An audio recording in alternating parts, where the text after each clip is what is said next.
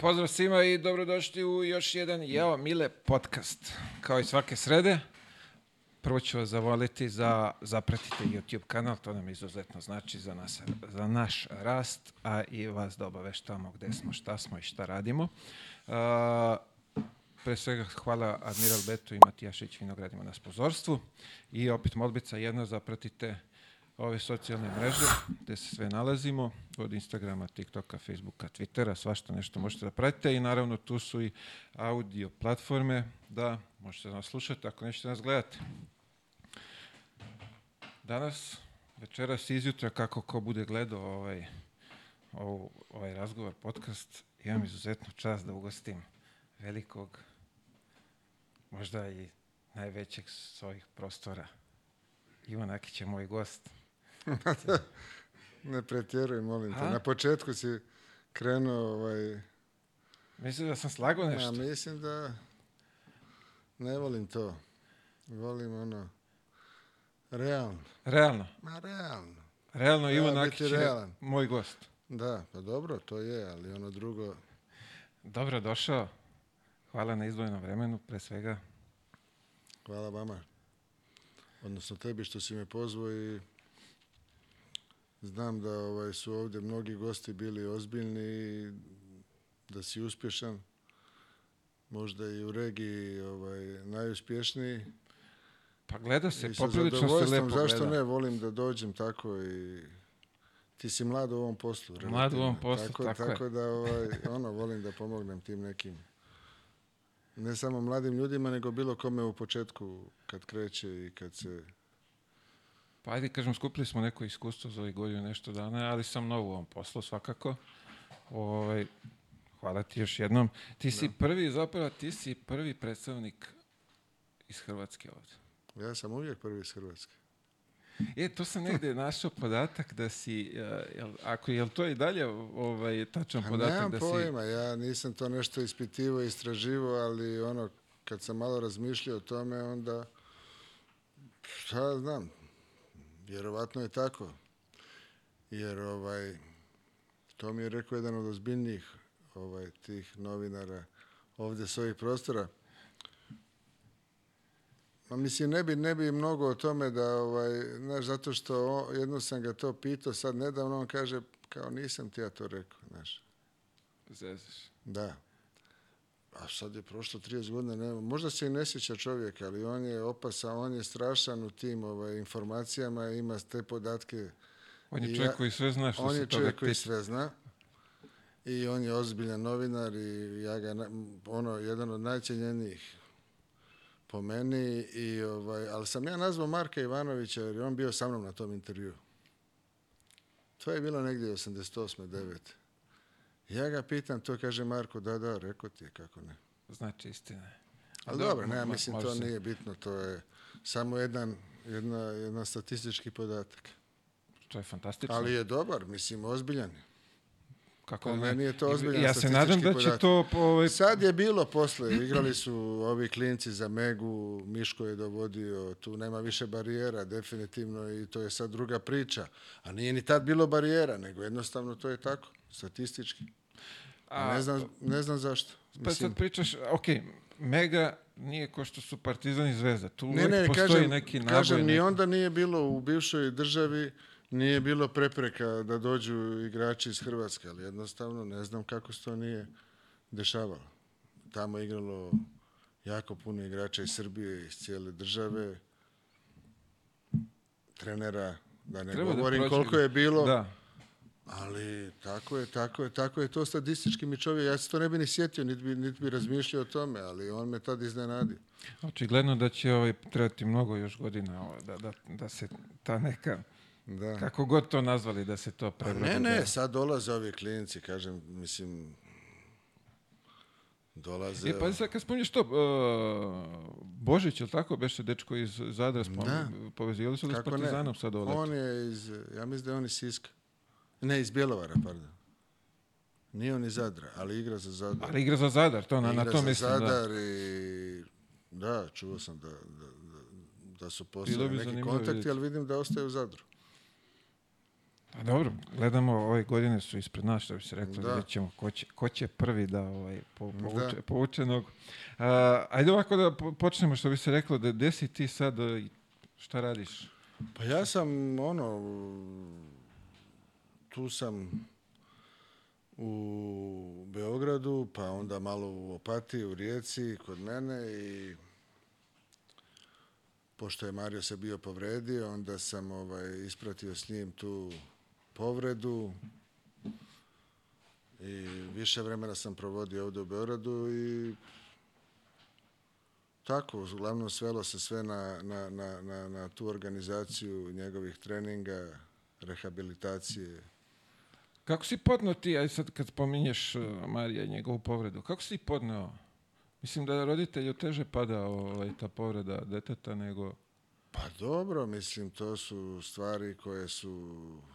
Se, mislim, dosta sam imao teških momenta u životu i onda ono, čovjek malo gugla, malo se navikne, malo zna šta sve može da se desi, a bio sam na toj utemici kad se povredio i to nije izgledalo toliko strašno malo mu je noga ono proklizala, čak nisam vidio ni dobro, zato što sam sjedio dole na parketu i bio je sudija tu. I onda ovaj, nisam od njega vidio dobro situaciju, on je samo išeto iz, iz, ovaj, iz, iz terena, nisam vidio, ovaj, nije ni pao, nije ni se ni uhvatio za nogu, ništa, ali Vidio sam da vjerojatno se nešto desilo ozbiljnije zato što je šeto i nije mogao više. Mislim, pretpostavio sam da ne može više. Onda posle uta, na polovremenu su mi rekli da nije ništa strašno su ga pregledali odmah doktor i fizioterapeuti tamo iz kluba, ali ovaj, na kraju kad se, i, i posle i kad se snimalo to i u Beogradu, kad se napravila snimka su ljudi tvrdili da neće trebati operacija. Međutim, kad je to otišlo kod jednog doktora koji je navodno najbolji diagnostičar ovde za te stvari, onda je ovaj, on rekao da će trebati operacija i da je povreda malo ozbiljnija.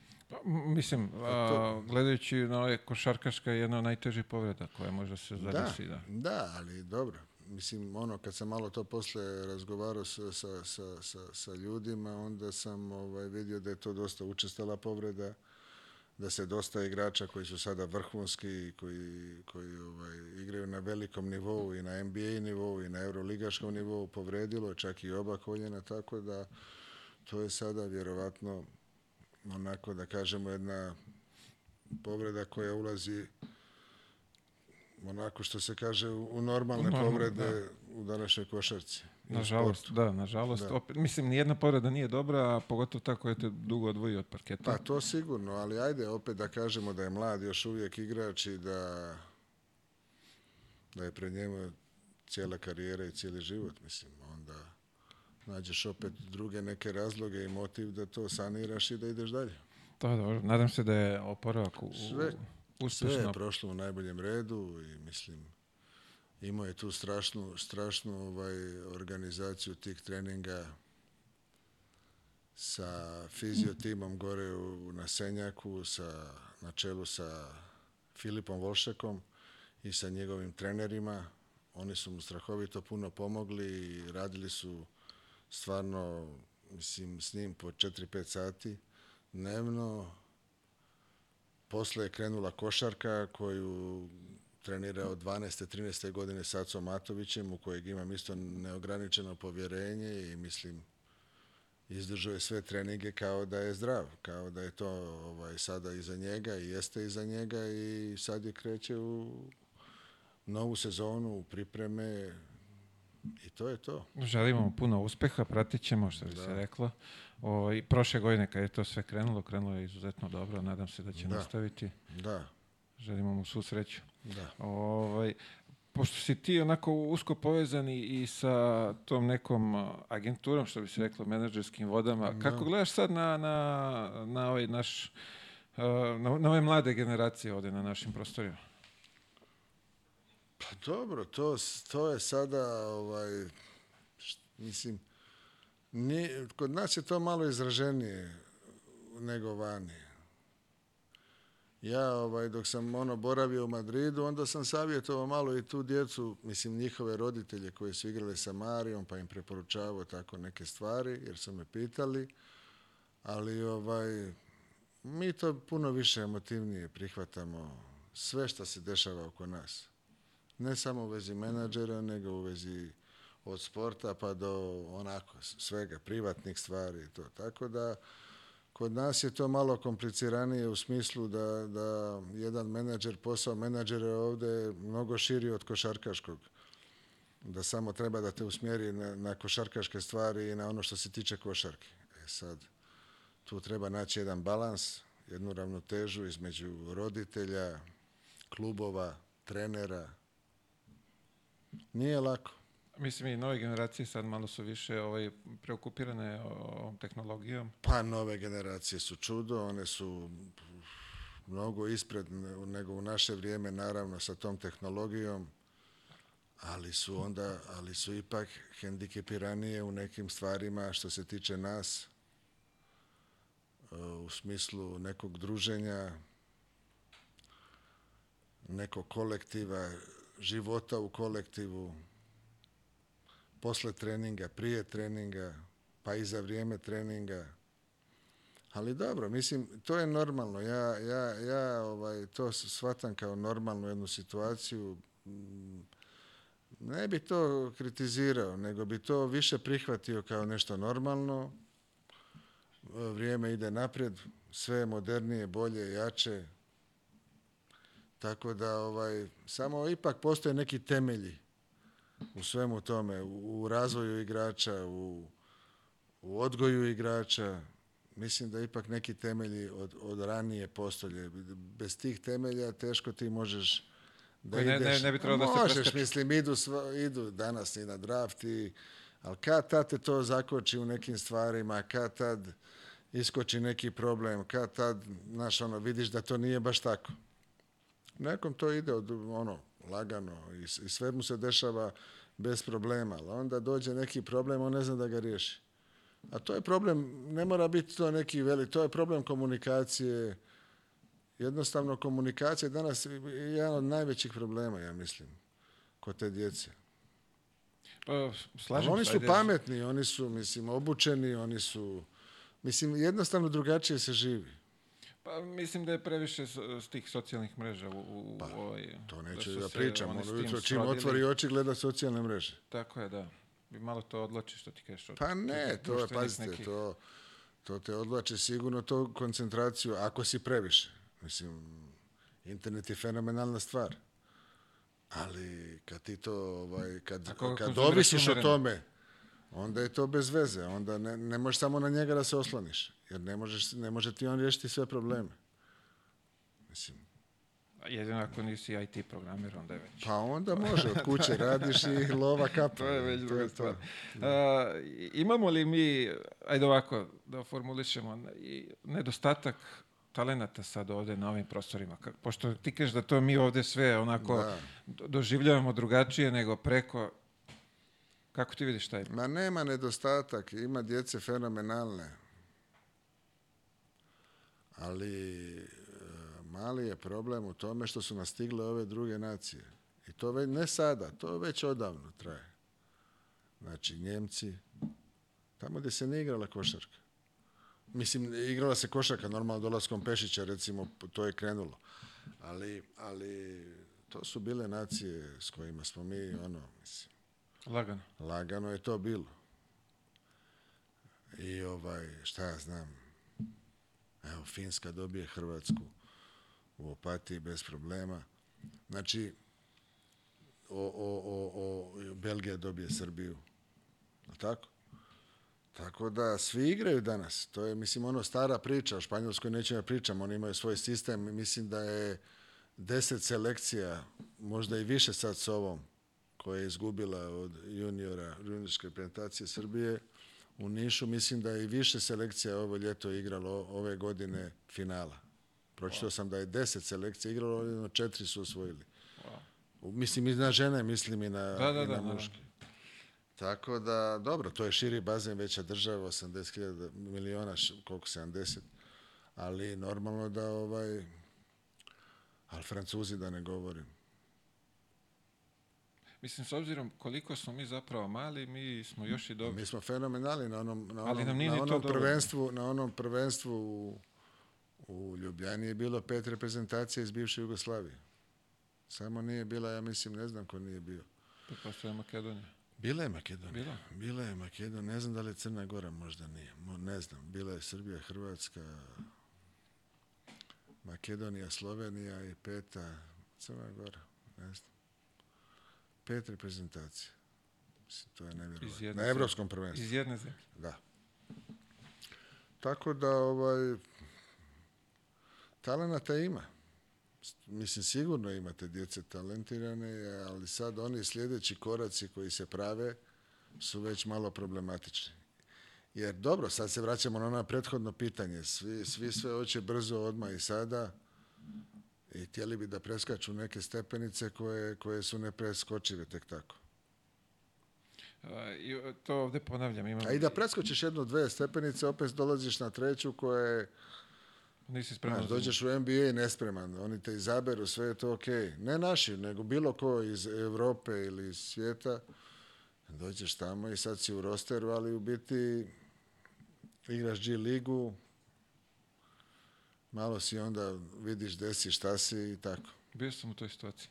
Ha, pa, e, vidiš, eto Najbolji vidiš, primjer, evo eto vidiš, eto vidiš. Da, Najbolji da, primjer upravo ovde sedi, da. Tako, bukvalno nespreman i dođeš tamo, tek viš pa koliko dobro, ništa ne da, znaš. Dobro, mislim, znaš, ok, oni te izaberu, imaju tu moć i tu snagu i, i normalno da, ovaj, da, da, da, da si ti, da je ljudski da odeš i da vidiš gdje si i tu su i neki ugovori koji nisu zanemarivi ali opet, znaš, nije sve u tome. Apsolutno. Pa, opet dođe sve na svoje. Super kad prođeš, super kad si pa, tu. Ali, ali, ovaj... A to ti znaš, onda posle malo... To ti je te proskakanje. Preskačeš... A to je, to je današnje, današnje vrijeme i to je današnja situacija i da, takav je market. Kako ja to vidim? Ako preskačeš, dođeš tamo, vidiš koliko ne znaš, onda ti tu obori samopouzdanje i sve. Znaš Šta, što je najgore, ideš... mi znamo dosta, ono, obučeni su naši igrači naši, ali ti fizički, da li možeš da se nosiš s njima? To je sad jedna koncepcija, da li si brz, da li si, da li si skočan, da li, znaš... Normalno, uvijek ima, ima tu... iznimaka, ali da li si u pravom momentu, u pravom klubu, da li na tvojoj mjestu ima četiri igrača ili ima jedan, ili nema niko da li imaš i trenera koliko koji ti da trener da, vjeruje, tako koliko, je, to se mi, mislim, normalno. Mnogo tu stvari treba se poklopi da, da, puno, da bi to puno. funkcionisalo. Puno. Uh, ovo me zanima, ABA Liga, govorilo se sad prošle godine o izlasku hrvatskih klubova iz ABA Lige. To je baš bilo zastupljeno prošlo leto. Da. Ove je to malo onako utihnulo, ne spominja se toliko. Pa dobro, kako mislim... ti gledaš na tu situaciju? Zapravo, a, a kako gledaš na, na, na ABA Ligu? šaš, gledam na ABA ligu, na ligu koja je treniro, trenutno sada egzistira najbolje u cijeloj regiji. Mislim, ja ne znam kako bi to izgledalo i da ovde klubovi igraju Srpsku ligu i da tamo igraju Hrvatsku ligu. Mislim, bila bi tu nekih, bude tamo, bude u Hrvatskoj, kad, kad su to finala Cibona, Split, Cibona, Zadar, Zadar, e, Split. sad imamo za, ovaj Zadar. Da, je, bude tu pune dvorane, pune rivalitet postoji još uvijek i ovaj, normalno i ovde Zvezda, Partizan, ali, ali šta ja znam, ja sam uvijek za tu neku širinu i za te neke veće mogućnosti i da ovaj, okviri tu budu malo širi. A ovde se veća konkurencija, jer uvijek te veća konkurencija pravi boljim. I bolji igrači te pravi bolji, bolji treneri te prave boljim. E sad, Normalno uvijek ima ljudi sa svih strana koji zagovaraju domaće lige, imaju neke svoje interese, vide neke propuste u tim ligama i ja se slažem da ih ima. I ja to vidim. Ali... Mislim, svaka liga ima Kad bi propuste. bilo pa- nešto bolje, zašto ne? Ali ja shvatam da nema Bosne koja možda više i ne postoji, ja ne znam da li postoji. Postoji, ali postoji to je na neku baš, drugu listu. Baš tanko, da. I to je, to je katastrofa, ali to je jednostavno zakon takav trenutno, mislim u smislu marketa, tako je to sve se izdešavalo. Mislim, Ali moram reći, zakon... recimo sad konkretno za Igokeju, tu koji je Mario, mislim, znao sam to i prije, naravno, ali moram reći da je to jedan ozbiljan klub, organiziran, kvalitetan, Mislim, godinama Medicinska služba super, da. odlični da. fizi, mislim, brinu o igračima, smještaj super, hala super, mislim, šta reći? E, ne možeš tu reći ništa protiv tog kluba. Široki brijeg isto kad je bio u ABA ligi. Bio sam dole i kod njih isto. To je super klubić jedan. Sa super ljudima koji, koji su normalni, koji, koji vole košarku. Mislim, pričam sad o tim manjim klubovima. Da, da. Jer Mislim, potrebna je ko kontinuitet, bez toga ne možeš ništa, ne, ne može na, na da blic ništa da se uradi. Kamo sreće da svi imaju budžete kao Partizan i Zvezda. E, onda bi to bila prava stvar. Apsolutno. Evo sad, e, jutro sam baš našao vest e, Sada Đorđević da. da. Da, je izjavio da se čudi da Kina toliki, nema budžet. Ne, ne, otkud toliki novac za, za, za večet. A pa da, pa dobro, pa to svi smo malo ono ovaj, pa dobro, ja, ja to volim. Zato što ovaj, meni je drago kad igrači uzimaju, kad ono, mislim, ugovore, kad su zadovoljni, kad rade sa, sa, sa, sa Željkom koji je najveći trener i sa Duškom, mislim, to su ozbiljne stvari. Ali, ovaj, naravno, država im tu pomaže. Absolutno. I to je ključ svega. Mislim, bilo bi lepo. Ja... Jer bilo je mnogo igrača koji su otišli za neke svote u druge klubove, a hvalili su klub i, i ono, malte ne su bili vođe navijača. Gledali smo, da. Sve je okej, okay. mislim, meni je to, nije ništa sporno, ali kad se pojavi neka bolja prilika, oni odu, je li tako? Pogotovo strani igrači. Pa i sa našima je ono, nije lako pričati kad, kad je tu malo jača ponuda. Ali čim je malo ono, zaboravljaju se te stvari. Dobro, i, na, i ovaj... Dobro, ali u svakom slučaju sve pozitiva, sve dobro. Mislim, glupo je bilo da se nešto kritizira sada u tim situacijama kad, kad, kad je ovo sad možda i, i najbolja situacija od kad ti klubovi postoje. Ja ne znam kad je bolja bila. Definitivno, ja, s ovim budžetima pa, mislim da kako, da bolje... Pa, ne, to je najbolje... Ne znam kako se merilo povijest. vreme kad si ti bio, da, ne, ali... Ne, pa dobro, e, to su počeli malo ugovori tu u zadnju godinu našu. Su malo počeli ugovori, ali ono, mislim, razmišljaš cijelu noć da li da kažeš predsjedniku 25 ili 30 hiljada. I kad rekao, reći mu 30, ipak i tu sam dugo godina. I tako, mislim, ali dobro, mislim, svako vrijeme nosi svoje i to je isto normalno. Ja sam ovaj, čovjek koji ne misli da je živio u idealnom vremenu, da je njegovo sve bilo idealno i, i, i šta reći za ove koji su najbolji igrači na svijetu bili Kićanović i Dalipagić, a igrali su za 100.000 eura, dolara u Italiji, gdje, gdje je onda bila NBA. A možemo zamisliti šta, šta će da bude tek za 10 godina? kakav će market da bude za 10 A dobro, sad Ako ima, ne znam da li NBA ima 3,5 milijarde budžet, ja mislim sad. A to će A, rasti još. Pretpostavljam, oni svake godine imaju neki 3, 3, procenat kad, kad se diže ovaj salary cap. Pa dobro, to je. Kuda to vodi? Pa to vodi... Do 100 miliona po sezoni bit će tamo, verovatno, kako su krenuli u nekom pa, momentu. Dobro, znaš. Dok ćemo mi ovde i dalje. Ma ne, pa vidiš, dešava se bolje stvari, samo ono, kažem, ovaj, ja bih volio i da u Hrvatskoj, recimo, i u ostalim republiji, u Sloveniji, dobro, Slovenija ima CD Vitu, koja, taj Tedeski je mnogo uložio u košarku zadnjih 10-15 godina,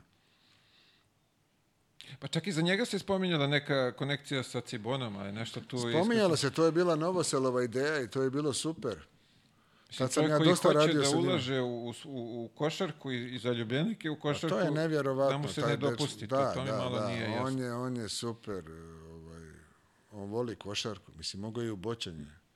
Uloži da je, da je volio ili u, u, u, Bilo šta. Da, ali, ali ovaj, voli košarku i sva ta ekipa oko njega voli, on je ulagao jako velike novce u, u, i u CD Vitu i, i sada u Olimpiju, tako da Šteta što je otišao iz Zagreba.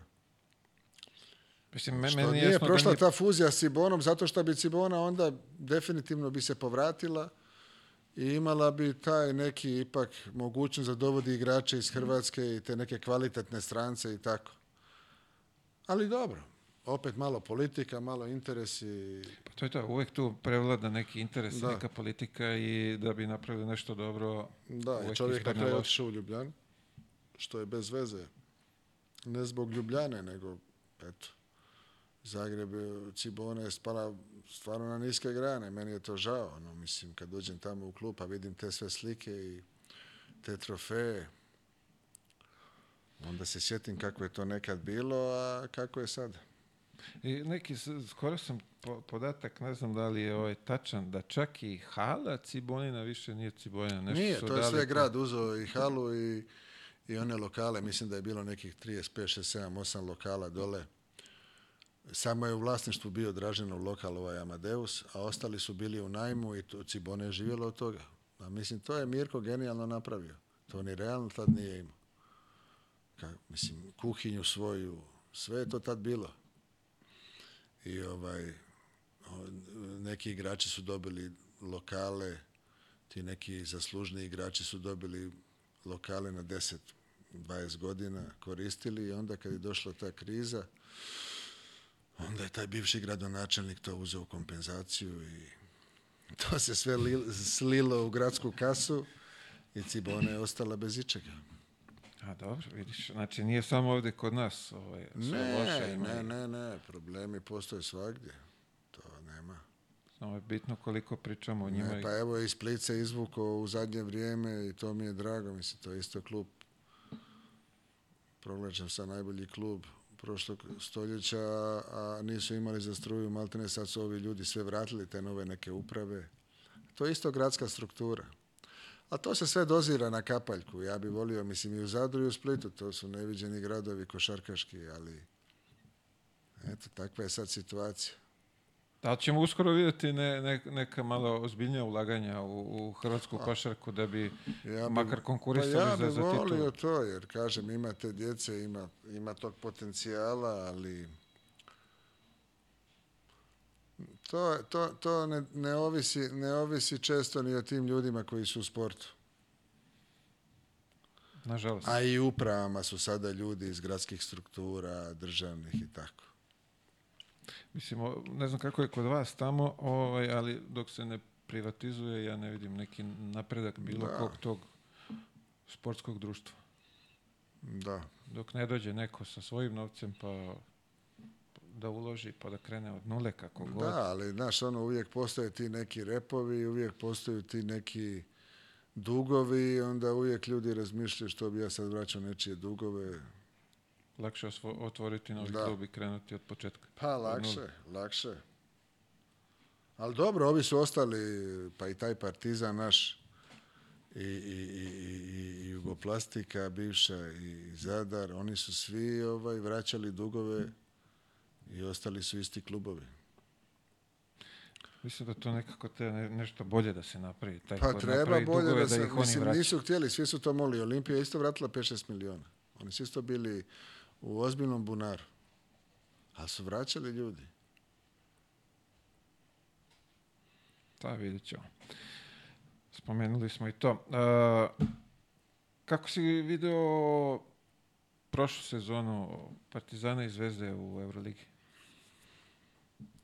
Pa, vladala jedna velika euforija. Išao sam na utakmice – kad bi bio u Beradu išao sam na utakmice i stvarno je to bilo, bio spektakl svaka utakmica. Pričamo o partizanovim utakmicama. I oni su ovaj, to doveli do nekog većeg nivoa sada. I uprava i i Željko normalno, mislim, ipak je Željko tu prva figura realno i oni su to doveli do jednog ozbiljnog nivoa i normalno ljudi se pale, dolaze na utakmice, kupuje karte, uveli su neke stvari koje, koje se prije nisu dešavale i impozantno je to da na utakmicama sa manjim ekipama bude po 18.000 ljudi. A Zvezda isto, Zvezda gura svoju priču, ja cijenim tu priču jako puno i mislim da ne treba to, to rivalstvo je veliko, i treba da postoji, ali ne treba prelaziti tu neke granice u smislu ono što, što, što mislim sad, mislim nisi me to sad pitao, ali ono, mislim, imam želju da kažem da je, da je zaista ovaj, to treba sve gledati pozitivno. Da imaš dva kluba u Euroligi, u jednom gradu, da ovaj, imaš konkurenciju dobru, da dolaze, da žele igrači da dođu ovde da igraju, Mislim, šta ćeš više od toga? Znači, uzimaš ozbiljne igrača, kupiti kampaca, to nije mala stvar. Ja mislim da ljudi nisu ni svjesni toga. Kakav je on igrač, kakvo je on ime, gdje je igrao, šta je osvojio, mislim, to su ozbiljne stvari. I mislim da ta dva kluba to i zaslužuju, da imaju tu kulturu ovaj, gdje navijači znaju sa velikim igračima da se ponašaju. Kada imaš ti klubova, dovedu velikog igrača ili ozbiljnog igrača, oni malo ga pocijenjuju, ne znaš. A ovdje stvarno kad si igrač u ta dva kluba i kad igraš, onda to već je neki status ozbiljan i onda ljudi ovdje to znaju da cijene. Pa prepoznali su, prepoznali su prepoznali i, su kvalitet, da. sve da. te kvalitete evo, i od igrača Zvezde i Partizana. Da, ba, nisu to samo, pazi, to nije samo lova. Znači, ok, igrači koštaju, sad s ovom sezonom im je iskočila cijena, to je sve neosporno. Ali ipak igrač isto treba da prepozna ovde, da dođe, da vidi ko će ga trenirati. Treba živjeti godinu, dve, tri, znači svi su zadovoljni svi ovaj, imaju neki cilj, neki plan, imaju neku, neki motiv da dođu ovdje. I onda idu dalje, mnogi idu dalje, normalno. Apsolutno. Pre svega, treneri su Evo, dobri. Evo, recimo, taj Panter, on je vjerovatno osjetio da je ovdje ima lidersku poziciju, da ga navijači vole, da, ga, da mu je trener našao pravu ulogu. Mislim da njemu ništa ne fali ovdje. Da je otišao u Barcelonu, da je otišao, ne znam, u neki klub, ja nisam siguran da bi imao ovu ulogu i ovaj status i da bi igrao ovako. A to što isto... prije, prije Partizana nije igrao ovako. Uh, slažem se s tobom, ali to su isto, hoću kažem, da su i to neke, aj kažemo, a, velike prednosti tih igrača koji mogu da prepoznaju, ej, bolje je da ostanemo ovde. Pa kako nisu? I kas, pa iako su malo loši da uslovi, kažem. nebitno, da, nego da. da odem negde u nepoznato i da ne znam šta će da bude. Ma ne, ne, to ja kažem. Jer druga je priča u Milanu, druga je priča u Realu, druga je priča u Barceloni. Tamo si jedan od mnogih i tamo si, tamo radiš ono što ti se kaže u smislu, normalno i ovde radiš ono što ti se kaže, ali tamo si ipak, imaš malo veću konkurenciju, i ovaj, roster ima 17-18 igrača, tako da se često i van tima, Real po 5-6 igrača sjedi uvijek sa strane. Igrača, da, ne, ozbiljnih igrača, ozbiljnih igrača, tako da pa to su sad odluke igrača. Meni se sviđa da kogoda da ostane, meni se sviđa da je ostao i da, da je osjetio da, da ovdje može još napredovati i da ovdje se osjeća dobro i tako vidjet ćemo, ostali su, neki su ostali, neki su i otišli. Da. A, ozbiljna imena su dovedena i za narednu sezonu po ovim prvim ovako pa što jesu, bi mogli da jesu. da očekujemo. Dobro, sad Zvezda zatvara taj roster, nadam se. Dobro, dosta igrača. Sad ne, Koliko treba je bilo? To... Do, do sad sedam, je li tako? Ma pa više, osam, devet, osam. Treba to sad sve uklopiti, treba, nije to sad samo i dovesti i, i ovaj, mislim, imaće tu ozbiljan posao Duško da te sve igrače uklopi u sastav, dosta tu ima igrača koji igraju s loptom, koji... Treći malo više lopti. Pa dobro, znaš, ono, uvijek se to kaže tako, ali ja bi više volio isto da ima, da ima ovaj, više prostora za te domaće igrače. I ovaj, evo ovaj mali Topić je sad odlično ovo prvenstvo, ide u Megu, što je isto super potez. To, to sad da ne preskačemo te stepenice. To je sad jedna stepenica koja je super. Mega i da igra tamo i... Mislim, igraće ABA ligu svakako. Pa igraće ABA ligu svakako. Ali... To je super za njega u ovom momentu i... Imaće minutažu. Imaće ulogu god, da, svoju, da, ulogu. super, imaće minutažu. To Miško radi dosta ovaj, kvalitetno pretpostavljam da je predsednik Zvezde Čović to osjetio, odnosno dogovorio pa teško bi u ovoj konkurenciji on mogao da dobije šansu ovamo. Pa dobro, slažem Nažalost. se. Nažalost. Slažem se, to je tako ovaj, danas, jer normalno kad uložiš velike novce, onda tražiš da, da, da te novce i opravda ekipa. A juriš i velike rezultate? Pa to kažem, da juriš rezultate, juriš pobjede, juriš ulazak, da ne kažem sad i u Final Four, Mm, tako da, ovaj, naravno da, da, da ti igrači, svi ti mladi igrači, mislim, svako ima svoj put. Ima tu, sad svi su talenti, ali svako ima svoj neki put do tog uspjeha i do konačnog cilja, a to je da postane ozbiljan igrač da ovaj, svako je, ne, ne, treba niko da se opterećuje s nikim, e, ovaj je ovako igra, ovaj je onako, ja, ja sam bio tu, pa sam bio ovo. Ne, svako ima svoj put. Ima puno primjera nekih igrača koji nisu bili u selekcijama. Ni u onoj Jugoslaviji, ni, ni sada, pa su postali ozbiljni igrači. Tako da, ovaj, ne znam šta se dešava sad sa Kalinićem, da li on je u razgovorima. E, on je... E, pa ovo što sam ja pročitao juče, da se pojavljuje mogućnost da neće ostati u Barsi. Da. da ne znam šta je. Jeste, ne znam ni ja, nego tako možda nešto novo. Mislim, e, ja sam ovde zagovornik, u stvari ne ja. Uh, Pričao sam, imao sam Peđu Savića iz Španije, on je bio uh, GM, šta je već predsjednik Bilbao, Zaragose. I pošto sam bio u Bilbao, igrao sam tamo i posle sam pričao s njim, oni su stigli do finala i baš i Euroliga se posle igrala u Bilbao kako ste od one ekipe došli do toga da igrate finale. Da, a ispadali iz lige, maltene. Tako je. I on da. kaže, da, smo onda seli, kako da privučemo ovaj, publiku, kako da dobijemo rezultat. Ne, ali Bilbao je strašan grad za košarku. Da, ali to je strašan grad. Oni imaju više nego Vitorija možda publike. Oni su stalno puna hala. Dobro, Bilbao je ozbiljan grad. Ozbiljan grad, je... super dvorana. Mislim, sve imaju vrhunski. Oni vole košarku jako ali kažem ti, o, njihova strategija je bila da dovedu najbolje španske igrače u tom mm. momentu kao domaće da ih dovedeš pa u klub. Pa zato što da nemaju taj budžet, publiku. pa normalno. Ali i ovde kod nas fora. ne, ne vraćaju se ti dobrih igrači. To je, što pa ja to kažem. zato pitam, da mislim to bi bilo dobro i normalno, mislim, pazi, to ima, ima normalno da ima Srbija velike igrače i u Evropi, ovo o NBA-u neću da pričam zato što je to nemoguće da se vrate, ali Mislim, s ovim budžetima imaš šans. S ovim budžetima imaš konkurentan si svima.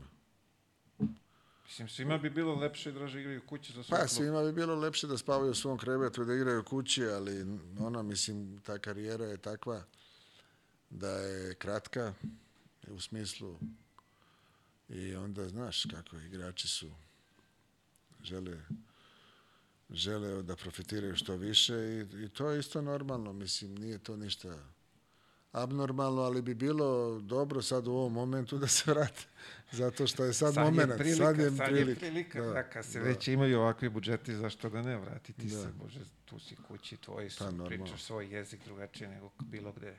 Mislim, ok, sve je to dobro, na kraju sezone opet dođe do svih sranja koje, koje se ovde dešavaju. Pa da. I to, ali lepše, svakako je lepše kući sad, da. opet.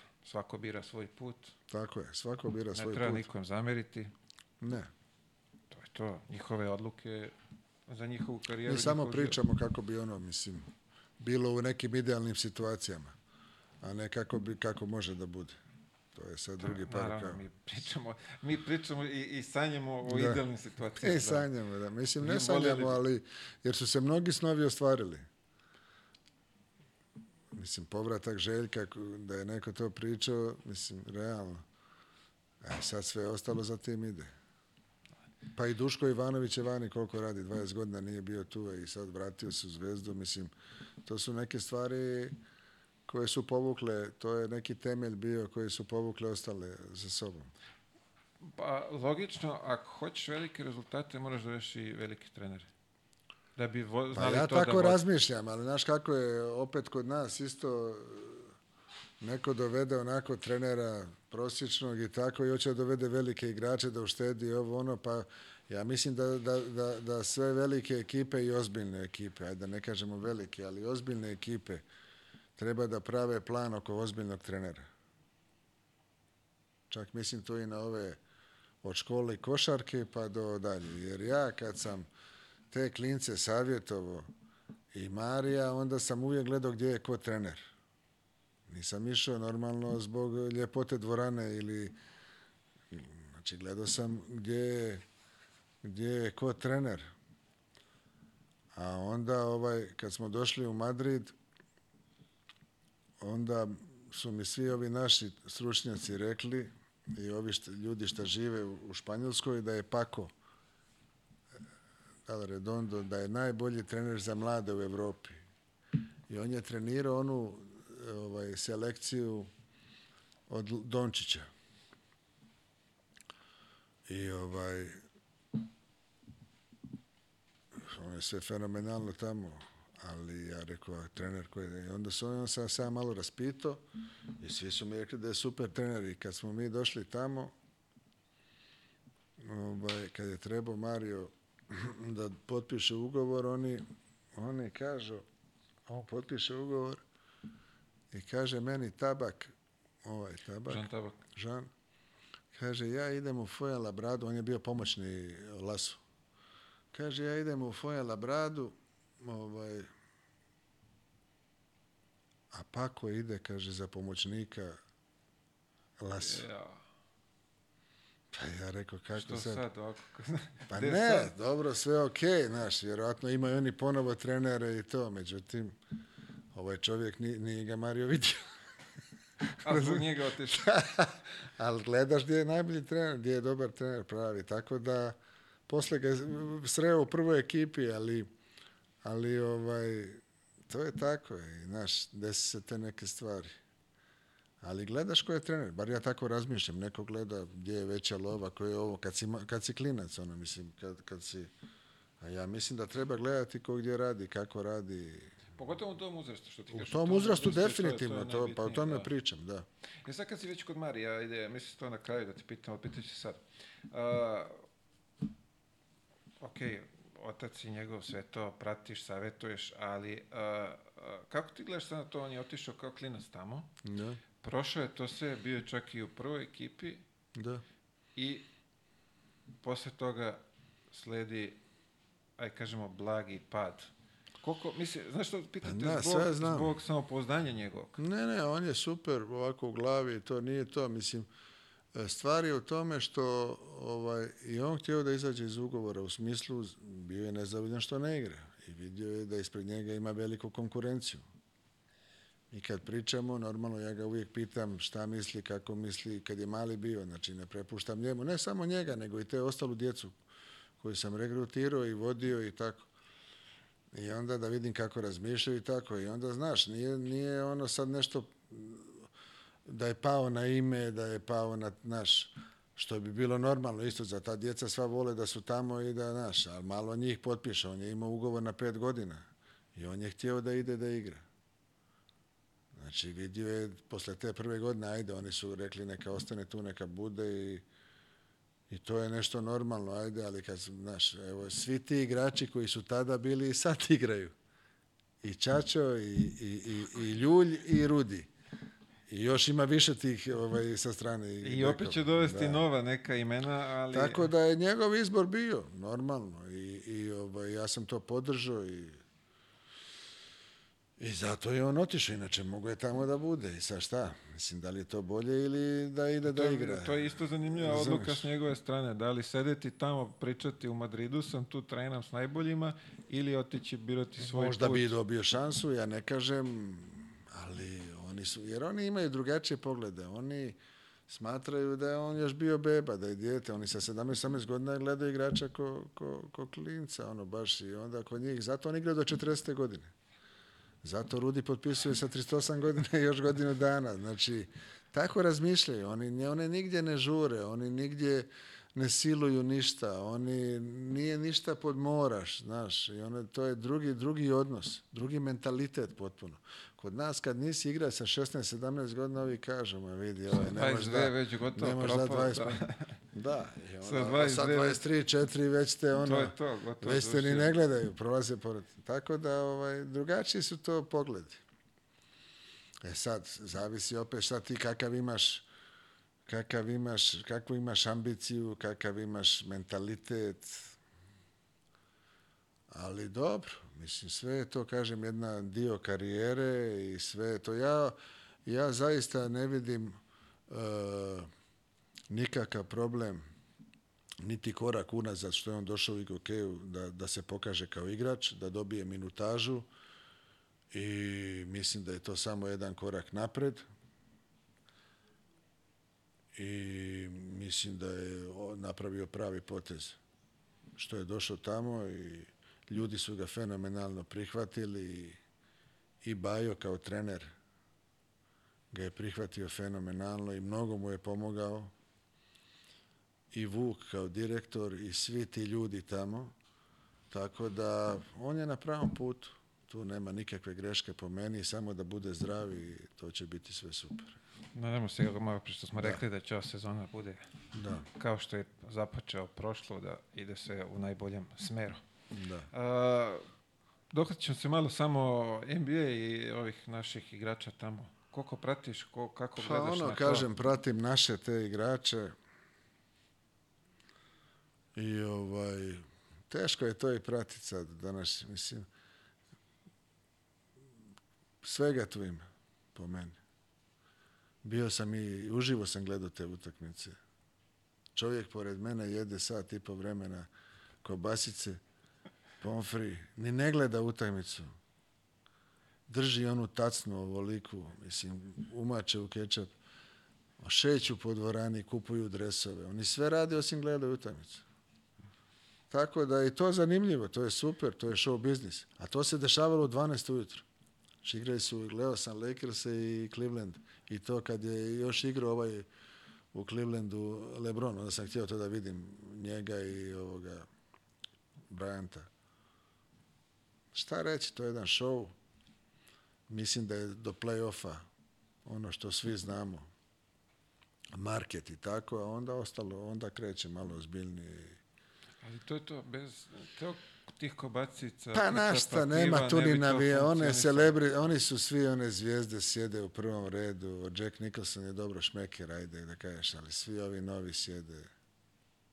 Mislim, to su marketinški potezi. To su i... marketinški, ka, te karte su 50.000 dolara tamo u onom prvom redu, to je naš ono, to, ne znam šta da ti kažem. Mislim, tako funkcioniše to. Tako funkcioniše, to, to, je to, to, to je to. I to se seli kod nas. I kod nas ima šmekera i biznismena, isto na parketu. Isto. Ja neke znam, sjede tamo.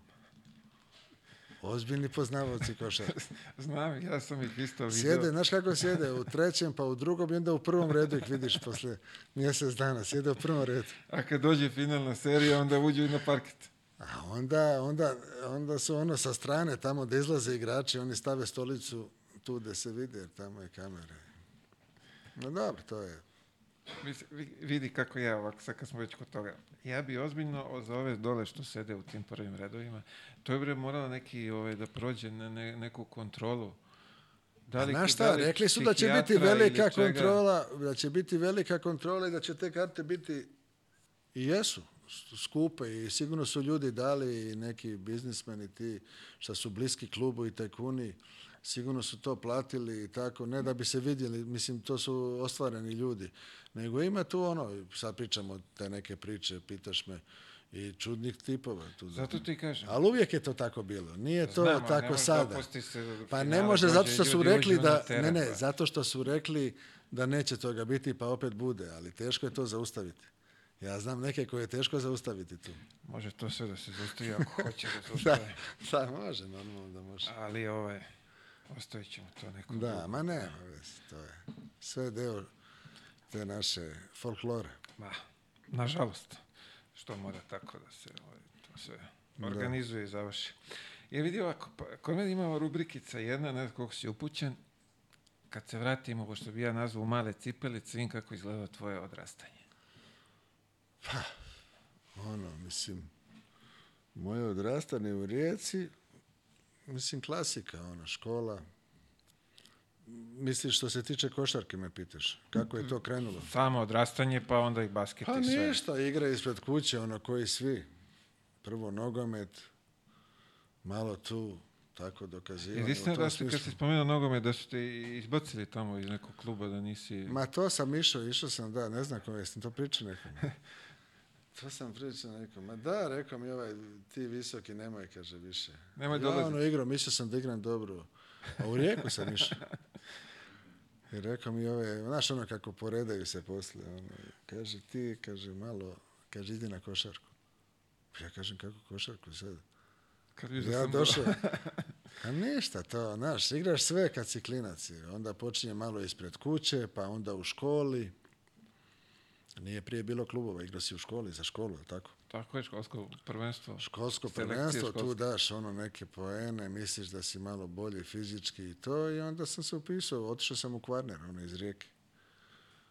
To je klub koji je tamo najveći u regiji i bili su dva, tri puta u prvoj lizi, pa su ispadali. I tako sam počeo. Normalno, roditelji nisu ni znali ni gdje sam, ni šta sam, ni da li igram. Znaš, ono je, spremiš stvar, ideš, da ideš, idem na trening, oni ti ni ne pitaju da ideš, ni kako ideš pješke preko cijelog grada s tormom. I ovaj, to je tako bilo jedno vrijeme, dok nisam počeo da dobijem pozive za, ima na Badi jedan fenomenalan otok, na jugu Hrvatske, dole iza Korčule, dobio sam poziv, to je ono prvi neki, neki znak da si malo talentiran gdje dođu klinci iz cijele Hrvatske. To je Hrvatski košarkaški savez organizirao davno, to je, ima se imao možda 13 godina, 14. Ono, sjednem uveče u, na ovaj brod, cijelu noć putujem i ujutro dođem u Dubrovnik i onda iz Dubrovnika u Korčulu i iz Korčula jednim malim brodićem na Badiju. Putuješ cijeli dan, više. I tamo su bili isto igrači koji su po... Sad ne sjećam se, sjećam se Perasovića i sad, bilo ih je dosta. Tamo, sa 13 treniraš, imaš, u samostanu spavaš, fenomenalno je to more, neć, mislim, to, ta pjena, to more, to je pjesak, to je čudo i tamo provedeš 15-20 dana, banjski su tereni, sve, treneri su bili onako super simpatični, dobri, Jelić, bivši igrač Zadra, je bio trener, jedan dalmatinac on je bio super zanimljiv, Sinković isto. To su sve bile legende, to prije mene, to, to sve bili već stariji ljudi koji su nas trenirali. A su bili onako zanimljivi i ja iz Rijeke sam puno toga naučio. Mada sam i u Rijeci imao super trener za taj početak, imao sam dva bivša igrača, Ivicu Maslaka, oni su igrali za prvu ekipu i igrali su prvu ligu i Milana Grabovca I onda su oni trenirali te pionire, nas su trenirali. Onda sam dosta od njih naučio tim prvim koracima. Ovaj Grabovac je bio super šuter i od njega sam naučio dosta ove, ovaj, što se tiče te tehnike šuta, balansa i tako. A od Ivice Maslaka, on je, naš, ono, bio motivator, borbenost, vodio nas na nekim kadetskim prvenstvima Hrvatske i tako. Šta si u tom momentu, e, e, što me zanima, maštanja tvoja kad si dobio te pozive? Maštanja su uvijek bila, maštanja uvijek maštaš. Ja mislim da bez maštanja nema ništa. Mislim, bar prvo ja sam, tako gledam. Prvo sam maštao o prvoj ekipi kvarnera, ono, da li će se zagrijavati u tvojoj dvorani mladosti i nekad, da li će obući onu trenerku, onaj dres, to sam razmišljao. I stalno sam mislio o tome i to mi je bio motiv, da mislim motiv, da se zagrijavaš. E, to je tako. A onda, posle toga, ovaj, sam otišao na neki turnir e, Republika. Tad je bilo turnir Republika, klinci su igrali. Recimo za Sloveniju igro Zdovc, za Vojvodinu Pecarski, za Srbiju ne znam da li igro Prelević. Jo. Ja sam tu bio najbolji. A vodio nas je isto bivši igrač Zadra Vanjak, to je stara generacija s Krešom Čosićem. poslije bio trener Cibonio. Onda je on valjda rekao Mirku za mene, i Mirko je došao. Mirko i pokojni Vladimir Azulović su došli kod mene kući u Rijeku. Normalno nije bilo agenata ni menadžera, oni su došli. Tako da se spustio Space Shuttle kad je on do ono, kad je došao u dnevni boravak, kad je sjeo, to je naš, kad te on zove, to je, to je tu krenulo malo pazi Cibona od Imao sam 15-16 godina, kući, da. veliki Mirko. Ali prije toga je bilo isto karetsko prvenstvo Evrope, gdje smo mi bili prvaci Evrope ovaj, kadetski e, Jugoslavije. Wow. I onda je došao ovaj, da priča sa mnom i... Ko, ko, ko, ko, si imao godina kad, kad, kad prelaziš u... Kad je pa 16, 17, 16. 16, kadetsko prvenstvo do 16. I, ovaj, I onda sam prešao u Cibon. To je tvoj prvi odlazak od kuće? To je moj prvi odlazak, 16-17 godina. To je u to vrijeme bilo ono, Kako to izgledalo tad je? Si, pa šta si ja znam, kuće, Zagreb je da bio ozbiljan grad, mislim, Rijeka isto super, ono, nije Rijeka mala, ali Zagreb je već ono, malo nivo, dimenzija malo veća i, znaš, ono, sad, došao je Franjo Arapović, ja mislim da on godinu dana prije mene došao. Mirko je počeo već mladi da skuplja i Razića je doveo godinu prije mene, ovaj, isto iz, iz Crne Gore, Razić.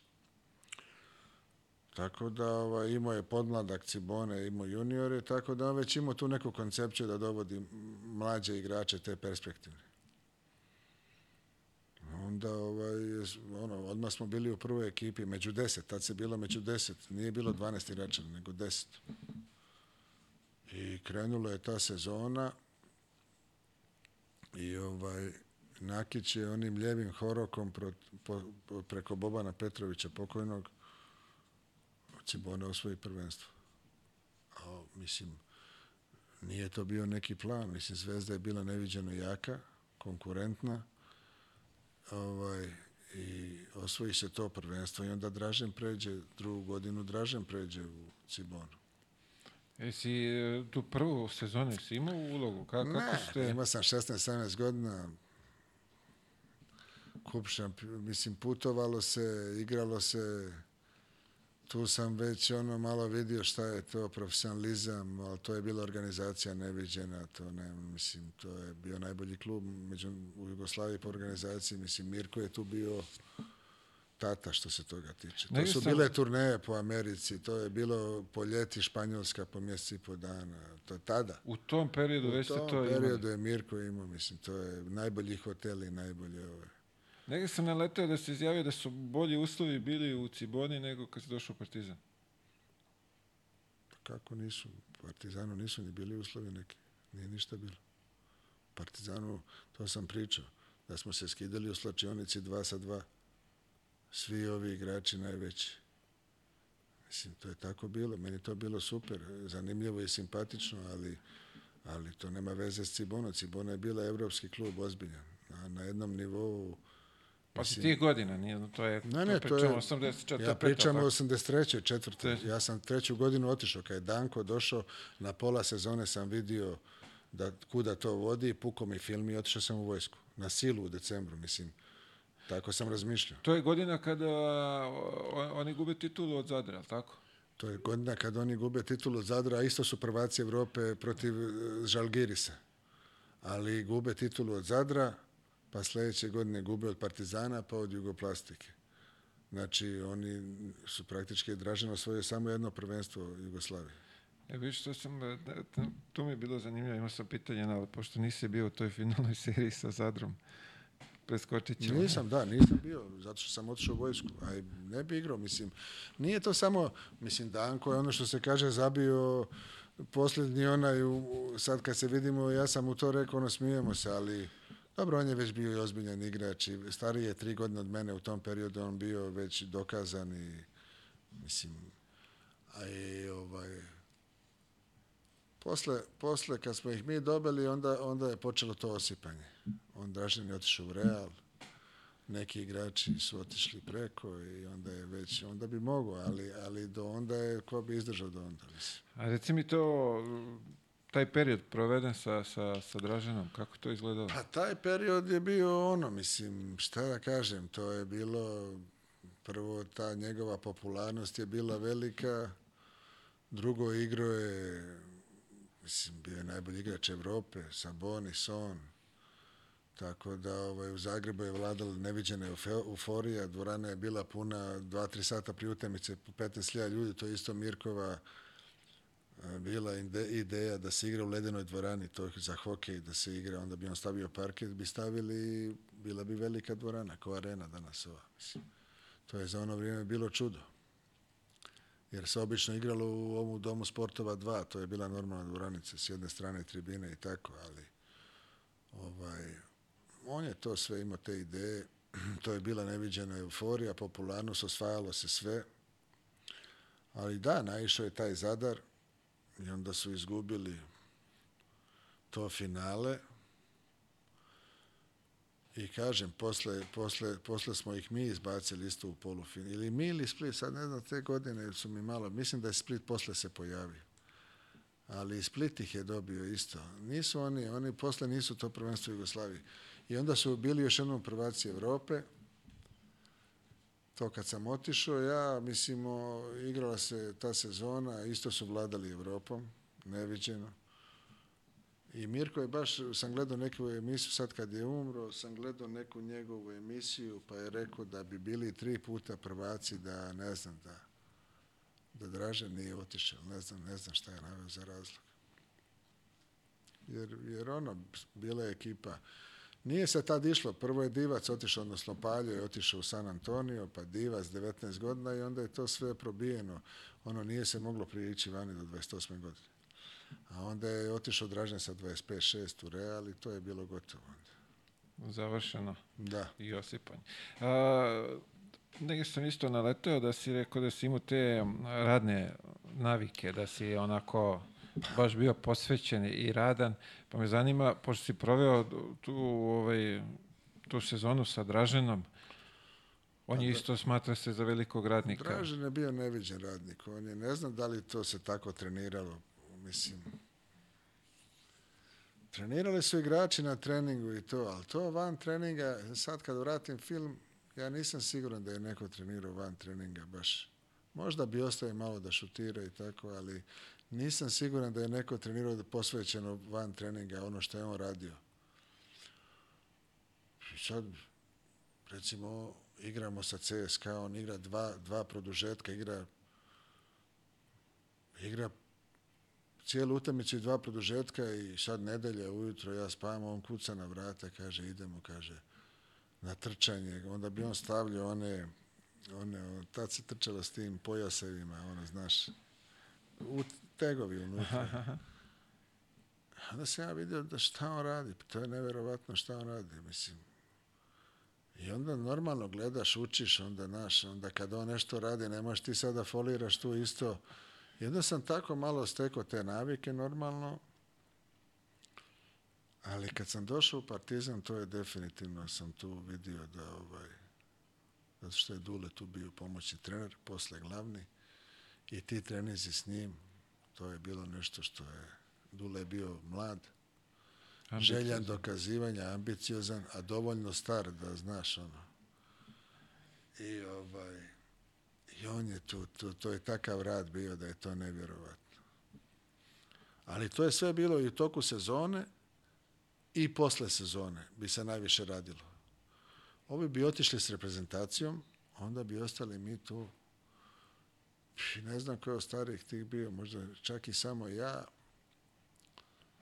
i ovih klinci, to se radi, to je neverovatno bili. I onda sam sve te stvari šta je on radio s nama i, i ovaj, primjenjivao posle cijelu karijeru. Neverovatno. Znaš, to je dobro, kad imaš polazak, osnovu.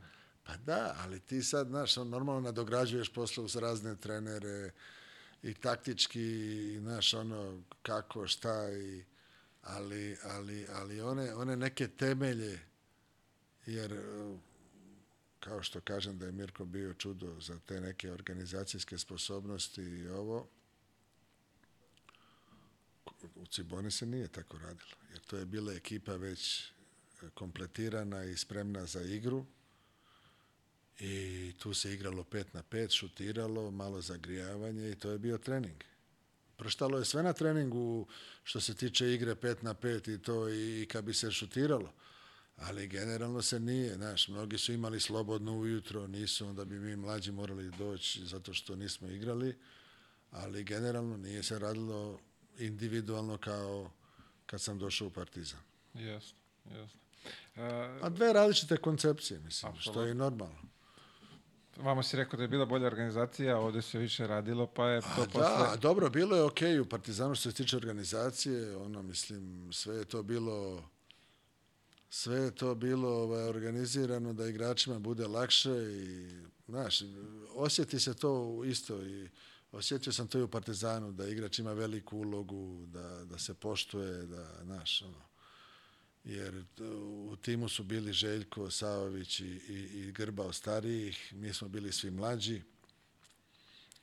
I onda ovaj, i ta neka hijerarhija se poštovala. Tako da, tako da ovaj, sve je to imalo neki redoslijed, ali generalno nije bilo sve na principu tog materijalnog, znaš. To je, ovi mnogi su bili željni dokazivanja, znaš. Đorđević, Danilović je došao, ali je morao pauzirao je dve godine, pa jednu godinu išao u Ameriku, pa se onda vratio, e, pa još jednu godinu pauzirao, pa onda tu treću igru.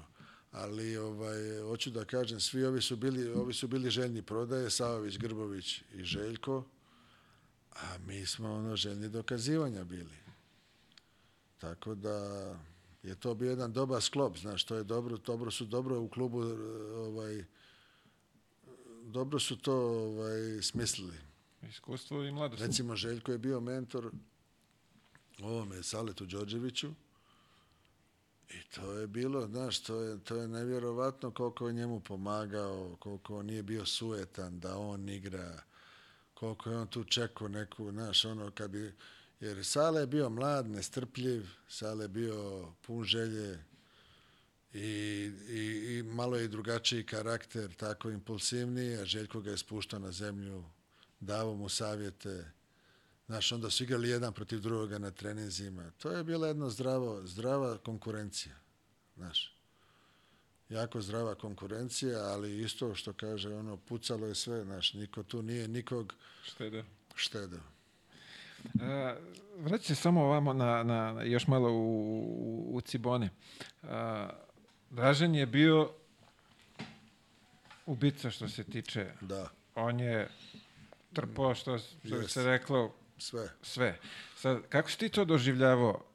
Jel, jesi pomislio nekad da, da, da ima tu sebičnosti u, u tom njegovom Pa dobro, znaš šta, to, to sad kako, kako, kako ovaj čovjek to sad, eh, kako gleda na to? bez, i opet bez te doze neke sebičnosti i egoizma ti ne bi bio takav. Ne može igrač biti takav, znaš. Apsolutno. Mislim, je. ako ti nekom daš po 40, 50, pa sigurno da, nije, pa daju, nisi daje po 50, igrač. ali ja, ja ono smo ono u šali, malo polu u šali, malo u zbilji smo mi pričali i on je bio strašan dodavač. On je, on je, on je, on je znao da doda, nije on bio samo šuter i, i ono da je, on je, on je On je sve radio u napadu. Nije on, on je mogao da, da ima po 20 asistencija, ali mora prvo sebe namiri. I onda, znaš, ono kaže, onda smo se mi ono malo zezali, da je dodao dve čuturi na zicer, jednu ušiću na tricu, onda bi on malo bi stao, pa opet on, znaš, da je dozirao, da je, o, mi smo se onda zezali, da to sam ja njemu govorio, onda sam smio, da on zna koliko je ko dao koševa u svakom momentu druge statistike, mislim, koliko je ko dao od drugih igrača. Mislim, da bi svi bili podmireni i mirni. Da, da ne bi prešli tu granicu. A ne, on je bio ono, alfa i omega i to je tako bilo, mislim. Svima je trpo. Da li dođemo u Kraljevu ili igraš protiv Reala ili protiv... On je svima htio da da 50. Takav je bio. Nije neka to išlo, imao oni loše procente, tad, se, tad nije bilo tih statistika. Promašivo je isto. Onda se iz iznervira, dođe ujutru, ubaci 1500, odmah drugo jutro. U NBA-u je kad nije igrao, šutirao isto večer. Ajmo rekao, onaj tamo domar ili ne znam šta je u dvorani, rekao mu ne možeš da šutiraš, mora gasim svjetlo, to košta. On kaže, platit će gazda. Da, kaže, ostajem još dva sata, kaže takav je bio, to je tako, mislim. Bilo je tu još puno radnika, nije samo on radio, trenirao je on neviđen, ali mi smo trenirali mazge, ima tu puno igrača koji su trenirali, sad da ne govorimo o njima, koji su cijeli dan bili u hali. Ali to je, tako nisu, je bilo. Da, ali nisu bili, pa, naravno, im se nije naravno, nisu, toliko ne kažem da sklopilo. da su bili u tom nivou i do da ali svi su trenirali tada, i mali klubovi. Uh, druga liga u Jugoslaviji bila neviđena. To su takvi strelci bili, takvi igrači da ti mozak stane. Ne može da ga čuvaš. Igrali smo mi protiv takvih ekipa. Ako ih ne shvatiš ozbiljno, pa Muta igrao drugu ligu. Muta je svima dao po 30. I se susreo negde sa njim? Kad? Sad? Ne, tada dok je... Pa ne igrao sam neke prijateljske utakmice. On dovodio je, ja mislim, Maribor u Beora pa bi igrali s njim. E, vršac, Vršac. Vršac, pa bi igrali s njima. Pa bio je igrač, mislim, nezgodan. To je ta, druga, kažem, druga liga je bila neviđena, neviđeno jaka liga i bilo je tu fenomenalnih igrača. Znam ja i po Kvarneru isto. Isto su imali super igrače koji nikad nigdje nisu išli. Ja pričam s nekim igračima, šta ja znam, sretnem neke igrače, rekao, gdje si ti, koliko, koliko, pa kaže, igrao sam 17 godina u Šibenci. Ti 17 godina u jednom klubu.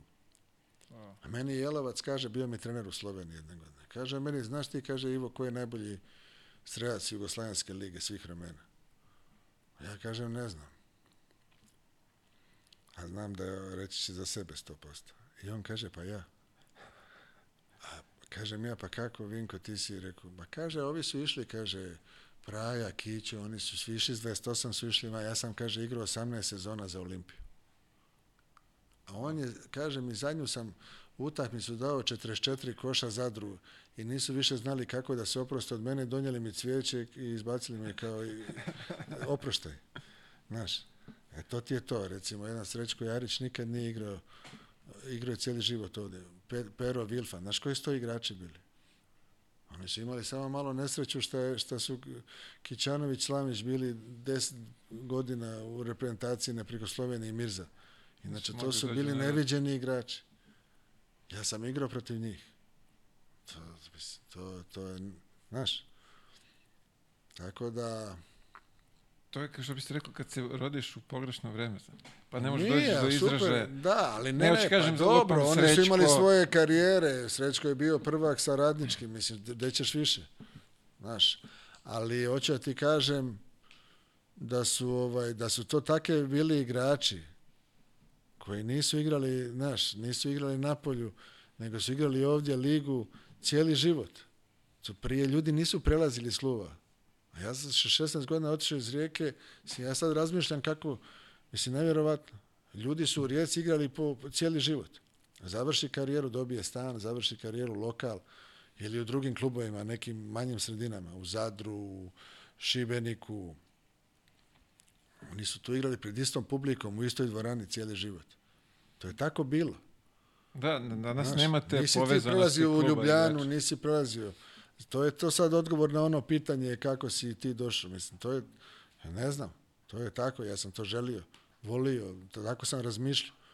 Ali svi su bili ono, da ne kažem sad, začahureni u svojim nekim sredinama i tu su se osjećali konforno i nemoj, pusti me, nemoj, tu ću, da, da, da ne izlazim. Onda mu, onda mu da kupe auto ili posle u tim vremenima krajem 80-ih pa mu daju stan i tako.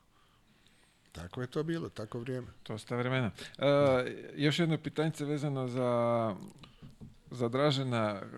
Kako ste se družili van e, Družili smo se puno, puno smo se družili van terena, cijeli dan smo bili zajedno. Mislim, ono popodne, normalno odmor, svako ima svoje, ali ono prije i poslije treninga bi izlazili, malo ono, ali on je to sve dozirano radio, koji svi mi, nisi ti tu sad mogao nešto, on je tu dizao se u 11, išao, nema tu razgovora, je sad do 11 je on radio što je htio, ali, ali ovaj, nije to sad bilo bančanje, on je živio maksimalno sportski. Gdje A, god da je živio, on je živio tako. Pitam te zato što Luka Pavić kad ali je bio Ali sve stižeš, sve stižeš, zato što ovaj, za sve ima vremena. A, pitam te zato što Luka Pavić kad je bio ovdje, pa je spomenuo da je pored njega bilo ozbiljno dobrih, lepih, zgodnih devojaka. Pored Dražena? Da. A, a, ako si ti bio ovaj, s njim... A Dražen, a Dražen je ovaj... Kako nije? Pa to je, rekao sam da bi to bila popularnost neviđena. Kaže, meni Tedeski, ovaj, kad smo tamo doveli ovoga, kako se zove, Smodiša u u, u, na kraju karijere, kad posle CSKA do, doveli ga u CD Vitu. I sad ja nisam bio upoznat do tada. Razgovarao sam s svojim Mladenom Weberom koji njemu desna ruka i vodio je košarku i sa Mamićem. A, ovaj, a njega nisam upoznao. I u, kad smo bili tamo na predstavljanju u Zagrebu, ušao je on. Pozdravio se s nama, malo smo popričali ovo i ovaj odjednom on čovjek kaže pred svima tu, kaže, e, kaže Ivo, kad bi ti znao, kaže, kako smo mi tebe mrzili, kaže, Ja sad rekao, je, de ovaj mi kaže to, sad ovaj, kvari mi ovaj transfer i sve, pokvari mi i ručak i ovo. Rekao, sad, šta će sad ono zbog partizana, ja mislim. Kažem ja, pa kako predsjedniš sve? Kaže, ma kaže kako mi, kaže studenti, kaže, stojimo u salunu, kaže, skupljamo za Coca-Colu, gledamo, a ti, kaže, Dražen, Franjo i ovi, kaže, 30 cura oko vas, mi gledamo, kaže, ne, ja rekao, dobro, ako zbog toga, ako je zbog toga, ako je okay. zbog toga rekao, onda je u redu, tako, mislim, pa to je normalno, mi samo bili oko Dražena i ovo, bili, bio i Mihavel Knego, to su sve bile ozbiljne face, Aco, da ne govorim to, mislim. Ovde za tebe, ovo što se nešto malo... Neki su se mladi oženili, Čutura se oženio mlad, Ušić, šta znam, Bečić i tako, ali ovi šta su izlazili, oni su svi bili u centru, pa ja sam bio klinac tu, nisam ja tu Dobro, pokupio pa bio. si te veštine. Pa malo sam gledao tu šta njih. oni rade, znaš, ono, ali... Koga god sam pitao za tebe, rekli su, ozbiljan šmeker. Da, pa dobro, to znači, priče. Znači, vidi, pratite i dan danas. Da, pa dobro, Kad ne znaju šta će onda kažu to. Znaš. Vidi, bilo je svakako ve, ve, verovatno veoma zanimljivo, tako da... A bilo je, mora biti zanimljivo. Nemaš samo košarku, nije samo to košarka sve, mislim, to, to je realno da to nosi svoje. Ja sam upo praktički ono, kažem, mislim, to se tako brzo sve izdešavalo, ali Cibona, to je tako stvarno bilo ko, ko ovaj, Rolling Stones i što kažu ono, mislim, gdje god su se pojavila Cibona, to je bilo i u Srbiji, i vamo, i tamo, i to je bilo ludilo, pogotovo kad je Dražen prešao. Pa i posle, kad sam ja otišao, Danko kad je prešao i oni još su bili jači. To su bile godine neviđene. A, reci mi, ti kažeš biraš vojsku, ideš u, u vojsku prisilno, što bi se reklo da pa bi... Pa da, otiš... biram da skinem to barem sa ovaj, ovaj, s vrata, jer sam znao, mislim da treba da idem ono kao... ne znam, da bi, da bi bar to skinuo, jer glupo je da gubim godinu i pauziraću, ću, neću igrati ponovo, mislim. Ti si izabrao Sarajevo? Sarajevo sam izabrao, da, zato što me malo, tu sam bio u kontaktu sa Bosnom i tako, oni su me voljeli, volio me trener me zvao i onda sam se sjetio da bi trebao tamo. A imao sam Đoku Jovanovića, zastavnika u Puli, koji je sad pokojni, cijeli život je živio u Puli, ostao je posle rata, živio je i, ovaj, i tamo je bila vojna četa i svi su bili tamo. Pa je sad vremena od rijeke, klima, sve. Ja sam došao u Starkama u Sarajevo na minus 20 u decembru. Kakva greška?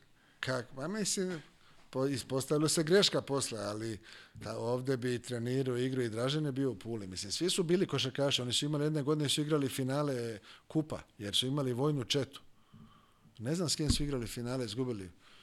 Ovaj, ali su igrali finale, bili su svi igrači, ozbiljni igrači, svi su bili u Puli. I, ovaj, I tamo bi imao i trening i organizaciju, ali otišao sam u Sarajevo i dobro, to je isto bilo jedno iskustvo. Tamo sam upoznao isto cijelu kremu Sarajeva, od pjevača, od Davorina, Kemala Montena, svih s Mirzom, druženje i to, to je isto neviđeno. Neviđeno to je isto. Da. Ozbiljno dobro iskustvo. Ma neviđeno iskustvo i trenirao sam dobro, prvo s Bosnom, posle sa željom, sa željom ovaj, kako to bilo? Ti Taj si... Željo je recimo isto bio druga liga. Prodanović je vodio željezničar. Isto neviđena ekipa. Strašna ekipa. Igrali su drugu ligu. Znaš, nije bila Bosna nego ovi, a isto strašni igrači. I, i Prodanović strašan trener. Tako da, ovaj... Pre bilo, u svakom gradu je bilo strašnih. Ma kako? De, de go, svaki klub pa ima kako, nekog strašnog igrača. Pa kako? Pa to, mislim, sad ja se ne sjećam sad konkretno da me pitaš, ali, ali znam da, je, da su bili fenomen, isto su me prihvatili super. Mislim, kad sam potpisao za Partizan, onda mi je bilo glupo da dolazim i dalje na treninge Bosne. Ja da gledam, bio je Aco zadnjih dva, tri mjeseca, Petrović, u Sarajevu isto. Pa je rekao, čoveče, gdje si ti? Ti treniraš, kaže, si ti lud. A Bosna trenira, znači ja, ja ono iz Cibone došao, gdje je bio taj sistem rada, a ovi dižu UTG. Ja ne mogu šipku da dignem. Oni se smijeli su mi se. Rade čučnjeve. Iz slačionice odmah sunožno po, po, po tribinama zagrijavanja. Pa ja sam umiro tamo, ali dobro, ono, prilagodiš se. Ja kažem, Aci, pa gde ti treniraš, s kim treniraš ti? Kaže, pa ja imam prije vas trenirao. On sa ženama želje trenirao.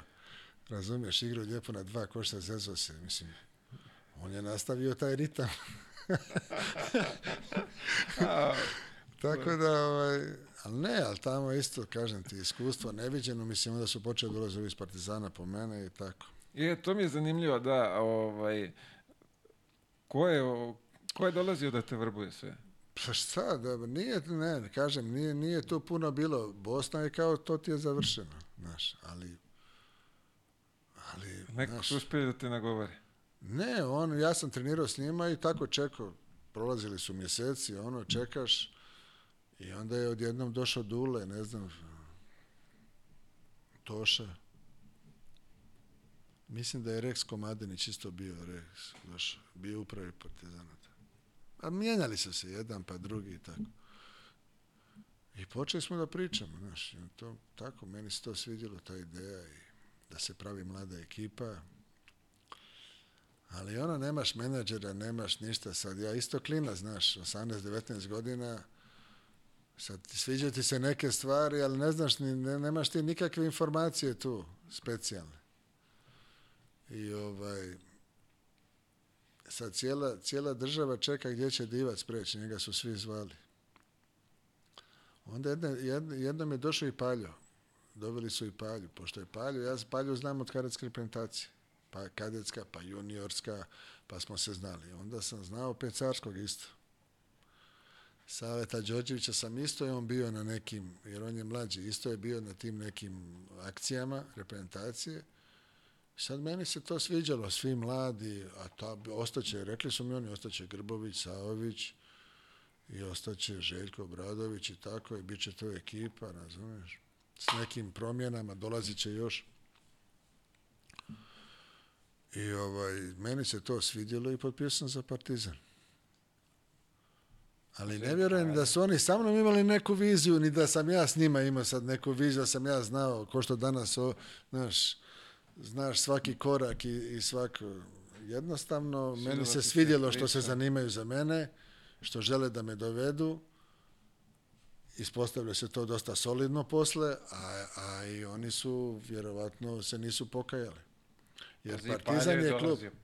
Pa i Paljo je došao, da, Paljo je došao. To je isto zanimljivo. Pa da. dobro, to je bio tako neki potez, ne znam što je bilo super, isto to mi se lepo svidjelo. Lepo je to Toša. Ovaj... Pa lijepo je to Toša, Toša je vodio tu operaciju. Ali, ovaj... Dobro, pazi, kad sad spominjemo Tošu, on je e, izuzetno dobre transfere znao da napravi. Kako nije Toša, Toša, Toša se prvo bavio transferima. I dan danas, ovaj, koliko znam, hvali se prelaskom Tomaševića. Ne, ne, to je posle mene bilo, posle on bio... Kaže mu je to, ako sam dobro razumeo, najveći uspeh u karijeri da je prebacio da, ga. Da. Če lepo je on vas to... Kako ne? Ma ne. Vrbovo i... Kako nije? Dobro, oni su to imali sigurno ovaj, razgovore s Kićem i ovo. A posle to i Siske Čolović je tu bio dosta bitan to ne treba zaboraviti, neke ljude, Miketa Đurić, to su bili ozbiljni košarkaški radnici koji su bili prije nas 20-30 godina u klubu i igrači i posle u klubu i ozbiljni privrednici, intelektualci, znači bilo je to puno ljudi. Nije to samo, naravno, Kić je bio mozak svega i Toša je tu bio operativac, ali ne treba zaboraviti ni ove druge ljude, ja ne volim kad se zaboravljaju ti ljudi, pogotovo Radovica Nikčević, koji je napravio neviđene stvari za nas on tu zadnju sezonu i tako. U stvari dve sezone, došao je godinu dana prije. Pa sad kažeš ozbiljni košarkaški radnici, ja u poslednje vreme ovde kroz razgovor a, sa većinom sam se složio da u ovom momentu tih košarkaških radnika i nema baš. Da, da nam sad i toga po, ovaj, ponestaje. Nema, mislim, pravi. Ja, ja mislim da nema, da. Sad gledajući malo, sad kad bi razmišljao, da, ma drugačije su koncepcije. Drugačije su koncepcije. Mada ja mislim da i u ono vrijeme Radojica kad je došao, da je dosta ljudi ovaj, mako. Jer normalno ima i tu nekih bivših igrača i tako i nekih likova i svakakvih koji se motaju, vole košarku, motaju se, ne doprinose ništa. A on je to postavio vrlo onako jednostavno. I bilo je koliko ti donosiš lovu, ništa, ništa. Koliko ti, koliko ti, razumijem. Jer to ima logike isto. E sad tako, došlo je tako vrijeme da postoje ti sponzori, Ali kad pogledam u realu isto ovaj, dvoje, troje ljudi radi. Nemaš ti tu puno ljudi.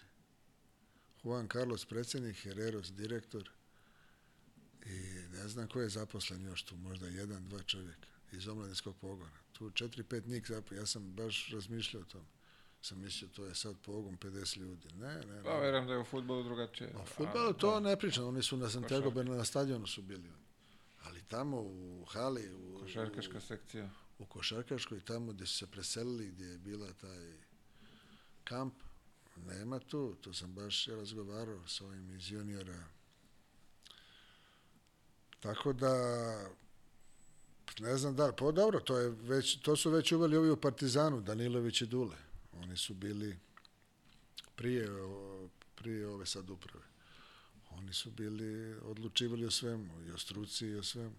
Ima tu logike dosta, po meni. Normalno, nemaš ti bez sponzora, nemaš ti bez ozbiljnih ljudi, bez pomoći države, tako, zavisi kad, u kojem momentu, ali... Pa mislim da je Čović sad glavni u Zvezdi. Da on donosi odluke ipak. Pa, je, pa ko će? Ja mislim da... Pa mislim... Da drugačije... Ima iskustvo, tu je dugi niz godina, Vodio je železnik, vodi i sada, znači... Mislim, verovatno ovi dole ispod imaju neke zadatke, ali da je njegova Imao poslednja... Imao svoju organizaciju, rekao, da. da, ali ipak je on glavni. Apsolutno. Kako gledaš na ovaj period proveden u, u Partizanu? Ste tamo osvajali sve što se moglo osvojiti u tom tvom mandatu, tako? Pa da, ja sam tu promijenio dosta tih generacija igrača, ne znam koliko sad kad bi nabrajao, ko zna koliko bi to igrača bilo i bilo je tu, jedna sezona je bila loša, a super tim. Znači Andrović, Marko Ivanović došli iz Čačka, e, mislim odličan tim je bio, Paljo, Sale, e, Željko, i onda smo se malte ne smo se borili za, za, za, za da uđemo u kup korača među osam sa Vojvodinom. Duda vodi Vojvodinu. I oni su imali super tim. Isto sa strane dosta igrača. Antić iz Podgorice, pa Bilalović pokojni. Obad iz Zadra. Mislim, puno igrača sa strane. Vojvodina tad isto bila dobra. Duda, trener. Mislim. Ta sezona je bila ovako malo A ovaj, zaznuo sam se, ova je sezona bila posle te, kad je došla Radojica, posle te, posle te loše, onda su ponovo mhm, napravili mhm. ekipu vrhunsku.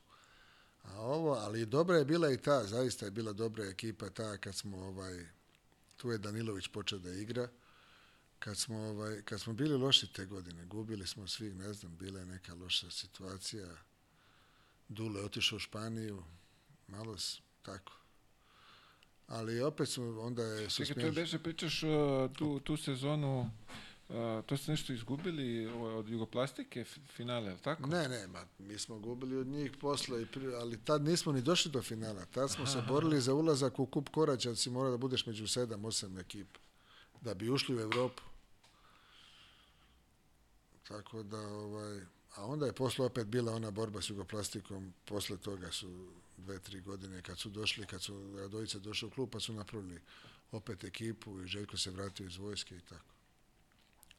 Nek se pa pokušam Paljo da se vratio iz Amerike. Pokušam da povežem zato što je Luka pričao. Ne, ne, da tad su svi otišli kad su, išao je Sala, isto bio u vojsci i Željko i onda je ovaj, svi su otišli, Paljo, Divac, ali došli su dobri igrači, prvoligaški igrači, ozbiljni, kažem, Marko Ivanović, Andrović, pa Saša Radulović, pa sad, da, da ne, nekog ne zaboravim, Danilović je ve, koklinac da počeo da igra i bila je super ekipa, solidna, ali nismo imali rezultate. I onda se ponovo napravio tim. Ali kažem, od tog mog dolaska 85. 86. pa do 92. to je bilo ovaj, puno igrača je prošlo. Osvojili smo sve, mislim, i gubili smo ta finala od Splita, ali, ali ovaj, recimo sa Zadrom smo igrali bez problema. A bio je najjači isto, ja mislim, u povijesti Zadar s Frankovićem, Komazicom, Popovićem, svim onim igračima, mislim. Dobili smo ih i u prvenstvu i u kupu Koreća smo s njima igrali polufinale kad smo osvojili, tu smo ih pomeli isto.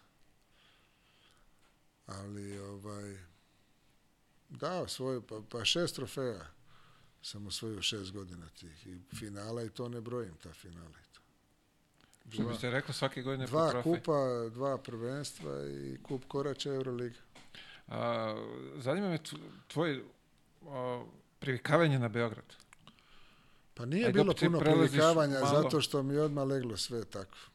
Živio sam prvo u Putniku, u onom hotelu tamo bio blizu hale i tu mi, tu mi je bilo lijepo, imao sam sve. Ti ste tu svi bili smisli?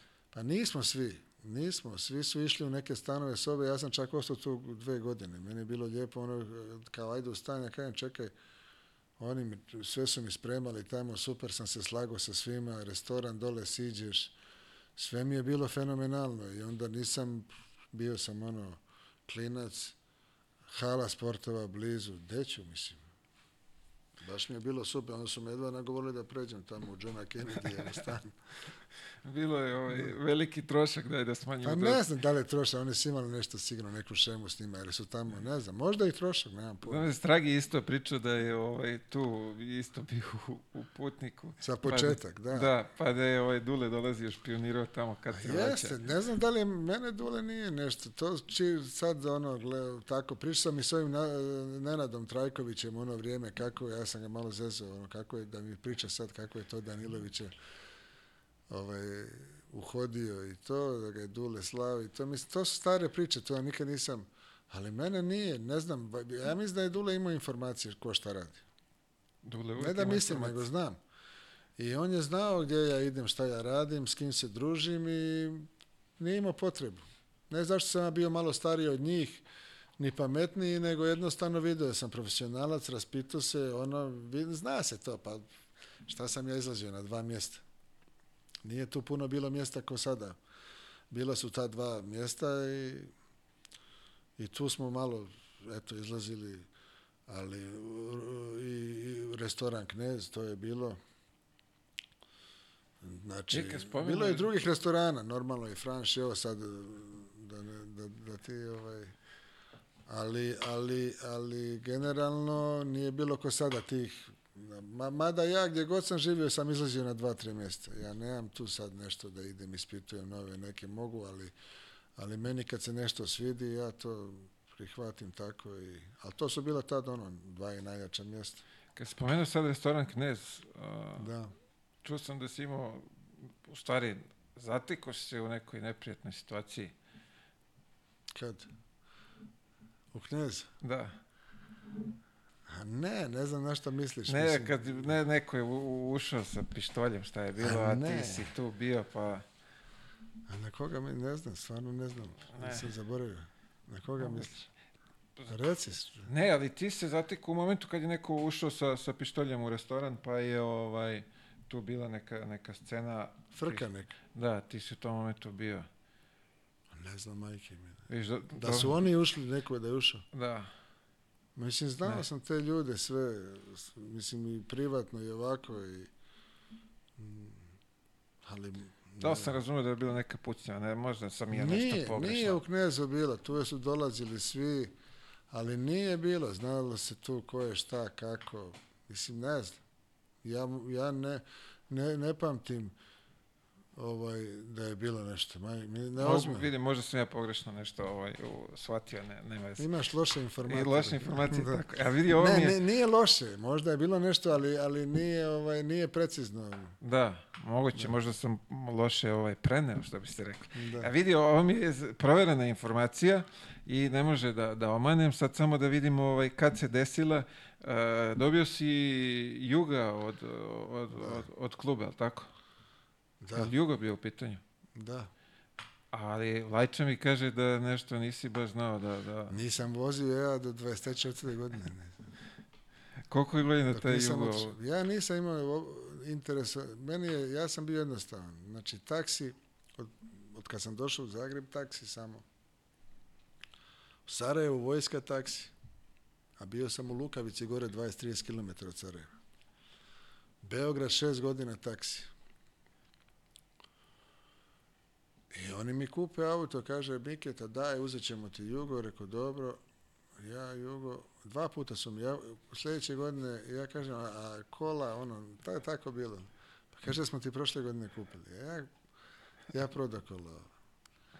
I tak, mislim, i onda sam morao, polo, kad sam išao vani, položio sam. A čekaj, je to je strah? Nije, ili... nije, nego jednostavno ne znam zašto. Zaista sada me pitaš, Ne, nije mi jasno. To, osjećao sam da nemam obaveze, nemam pojma. Ne znam, tako sam razmišljao u tom momentu, ali, ali ovaj, a svi su vozili. Kaže, Lajko, I bez da dozvole... da je i dan danas ovaj slab sa vožnjom. Ne, ba, vozim stalno. Je. Sad, to je sad druga priča, ma ne, to je druga priča. A Vlajko je najbolji vozač. Za njega sam stvarno smiješan. On je čudan. Ko ne zna, pričamo o Vladi Dragutinoviću. Pa da, Vladi Dragutinović. Kaže, dobio čovjek auto. Jeste. Nije ga vozio godinu dana. Nisam. Ma dobro, mislim, stvarno, evo, biš auto, mi ništa nije. I znam ja tako isto neke ljude kojima ništa nije znači auto, ali dobro, ima neke koji su voljeli. Pa divac je vozio jugo, nije mu radile ni kočnice, ni ovo, kočio je sa mjenjačem. To je tek bio cirkus, što mislim. To je bilo nikad benzina, nikad, gurali stalno. To, mislim, to su neviđene stvari. Pa ima i za peglicu leče, da je, jel ko je vozio peglicu, pa Stragi i Rebrača, da njih četvorica selo u peglicu, da su tako se vozi na, na, na trening i nazad. Leče, pa Rebrače, Vozili su, ja dobro, mislim, da. Još. Ma imali su Ali kola, u peglici. da, u peglici. Peglica, peglica je bila fora, peglica je bila hit jedno vrijeme kad se pojavila. Pa teško se je sjetiti toga svega. Evo vidi, ovo sad, to si ovaj video sigurno pokazali su ti ljudi ili šta god. Šta? Hoćeš da mi demantuješ ovaj, Sinđine, ove navode za ulazak u slačionicu? Ma dobro, Sinđa je me predstavio ko, ko onog u, u logoru, je plave oči, ovo ono, mislim. A dobro, mislim, bilo je i gorih stvari, znaš. Je To, on je još blagu verziju, ma šalim se. Ublažio. Sinđa je bio simpatičan, bio je super koklinac, Ja uvijek kad bi došao neki novi, malo bi se šalio s njima i tako. Bilo je malo jedno namčara, znaš, ono, koji nisu shvatali šale, ali Sinđe je bio ne, neviđen. Uvijek ono neposredan, simpatičan sa onom facom i to onda, znaš, onda voljeli su ga svi. I Boga mi Ispo ozbiljan, ono što smo pričali, izboj je ozbiljan poduzetnik, znači ugostitelj, sve. sve komplet.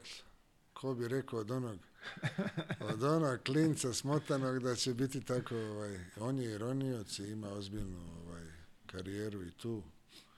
Pa napravio ozbiljnu košarkačku karijeru, 10 godina igraš u Francuskoj.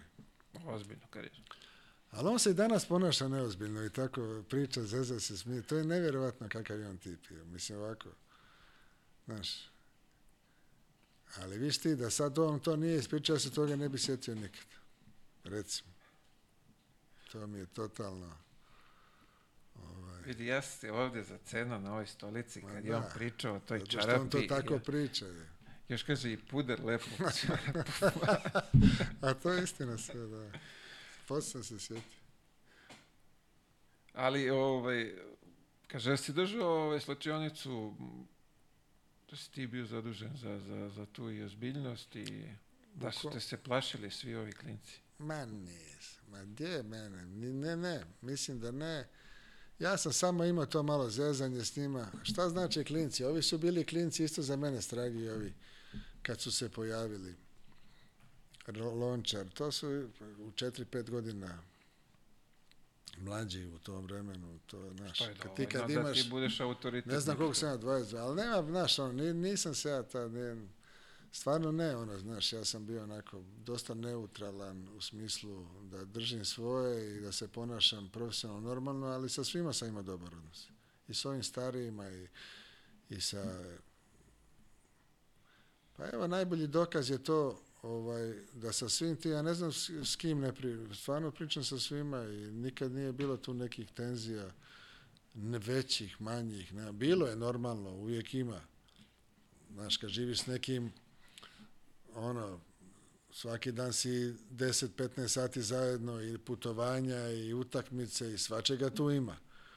Ali kad ti pogledaš, opet se skupljaju ovi svi igrači, ta generacija, to je neverovatno Da se skupe, da pričaju, k'o da su svaki dan zajedno, znaš, mi pričamo, ono, ne vidiš se s nekim po dve, tri godine, ali kad ga sretneš, I što je za svaku, za svaku pohvalu, da. to što ste vi da, izgradili, da, mislim ta generacija. Da, mislim da da, ali, ali, ali to je bila i kvaliteta te, te ovaj, generacije, ta što je osvojila to. To je bila velika ovaj, kvaliteta te generacije, zato što tu nije bilo sujete. Uvijek bi neko svaku utakmicu iskočio, ovaj, svi pričaju o Daniloviću i o Đorđeviću i to je istina da su bili lideri. Sara je bio lider i od malih nogu. I ono, kao klinac je se tako postavljao, tako se držao i tako je, tako je ovaj, Danilović isto, znaš, samo drugačije. Ono. Ali, ali bez ovih i ostalih igrača, bez Šilobada, bez Tragarca, Rebrača je malo manje igrao, ali isto imao, znači svi su imali svoj doprinos. Od Vlade Dragutinoviću koji je držao najbolje igrače, koji je držao ribu, koji je držao Viljakampu, koji je držao ono kad je najteže bilo, koji je držao loptu. Mislim, sad da ne zaboravim Kopriva, koji je bio fajter, koji izgleda onako onako opušten, a, a bio je ozbiljan fajter i mogao je s kim hoćeš da se potuče. Teško da bi to bilo tako kao što je bilo. Tako da, ovaj, ne znam da sam nekog izostavio. Pa pretpostavljam, da, Koga ko je, Šara je bio tu. Šara tako je da, bio ko tu je... s njim sam bio cimer, mislim. To je... Tako Ali da... sad istako si ovde Saleta i, i, i Danilovića kao lidere, ekipe. Ma, a dobro, ali oni su svi... bili igrački lideri. Oni Tako su, je. Sale je bio lider i prije toga. Sale, da, Đorđević je se nametnuo i sa ovom starijom ekipom. I sa Divcem Pasplina. Isto je tu imao tu neku ulogu lidersku. Jednostavno i kad je loše, kad je loše igro, realno, kad je loše igro, ono u prvim onim godinama kad, se, kad, kad je bio nervozan i kad je htio odmah da bude najbolji, kad je htio Nije to uvijek išlo tako, kao bilo je tu i lopta dodatih u prazno i gubljenja i svega i nervoze, ali on, se, on je uvijek imao taj stav liderski. Ti neko odigra loše, ne zna gdje je tri dana. On je, on, je, on je uvijek imao stav kod je dao 40 svaku utakmicu. Hoću kažem, I to mu jedan... se vratilo, to je tako posle i bilo. Tako je. Jer tek posle te godine, te naše je on igrao i oni da su napravili te karijere. Hoće kažem, e, obojica su bili lideri, vodili su, po, ponašali su se liderski kako god, a svi znamo da su dolazili i u sukobenje dvojica. Onaj, bio onaj period i ne pričanja i sve, a To je bilo, su... ja mislim, i prije godinu. I pa, nemam pojma, vjerovatno oni kad kažu to je tako bilo i tu godinu, ali prije su se oni malo posvađali, Sale je bio tu isto malo nezreo, Danilović isto željan svega, tako ambiciozan, isto nije dao. Ta bio je malo bezobrazan, onako, Pozitivno, što bi rekli. Pozitivno. Ali ovaj, a ovo isto, ono, jebi ga, sad da ne kažem kakav je bio. I, i onda normalno da tu sad, znaš, ono, ali, ali se to na terenu nije primećivalo, to ko, što, ga, ko što oni to, kažu, toliko ko što mi znamo. veliki da, da, da, se to ne primećuje, iako su oni lično imali taj problem između jasne, sebe, ali jasne. ovamo su toliko bili veliki da su to da, sakrili da, da se ma ne... Ma dobro, ima tih situacija, imaš ti puno tih ovaj, antagonizama u, u ekipi, to nije ništa novo. To nije ništa novo i ništa čudno. Oni su posle igrali za reprezentaciju 10 godina i vladali sa svim ostalim igračima. Ti kažeš, pro, provodiš 12 meseci s nekim, naravno da ćeš u nekom momentu i da pukneš da, i da se da. posvađaš da, sve, ali... A, a na kraju krajeva svi smo mi bili još klinci. Znaš, želje dokazivanja. Pa želje dokazivanja i onda, znaš, ono ne šljiviš nikoga, misliš da si uvijek u pravu, ni ne razmišlja da si u pravu stvari, nego ideš tako, znaš, ono, samo gaziš, ideš napred i normalno da se tu svašta dešava, ali generalno svih tih godina ne mogu reći da je bila, bile to svakih igrača, svakih likova, svakih tipova, e, ali nikad nije bilo nekih, ipak je klub iznad, znaš, i A prije, a prije, viš, čuo sam svašta prije, prije nego sam došao u Partizan, da je bilo svačega priješnjih godina. Isto veliki igrači su igrali, isto, a bilo je svađa otvorenih i svega. A ja nikad nisam u tih šest godina doživio neku, ne prema sebi, nego uopće ovako neke... Bile su rasprave, normalno su bile rasprave i svega je bilo. Ali ono da, da baš bude na, na vređanje neko i nešto, to nikad nije bilo. Poštovali su jedni drugi. Pa dobro, verovatno su dobro, uh, da kažemo, poučeni tim prethodnim godinama bolje i selektirali, ne, složili. Ne, ipak ti kad igraš ti s nekim igračima, tim velikim, ipak tu postoji neko. Mene kaže Ćosić jednom, ne znam gdje me vozio, neka reprezentacija, nešto, i on kaže meni, znaš ti, kaže, ovaj, da smo pričali o meni, pa on meni htio nešto tu da kaže, neku poruku.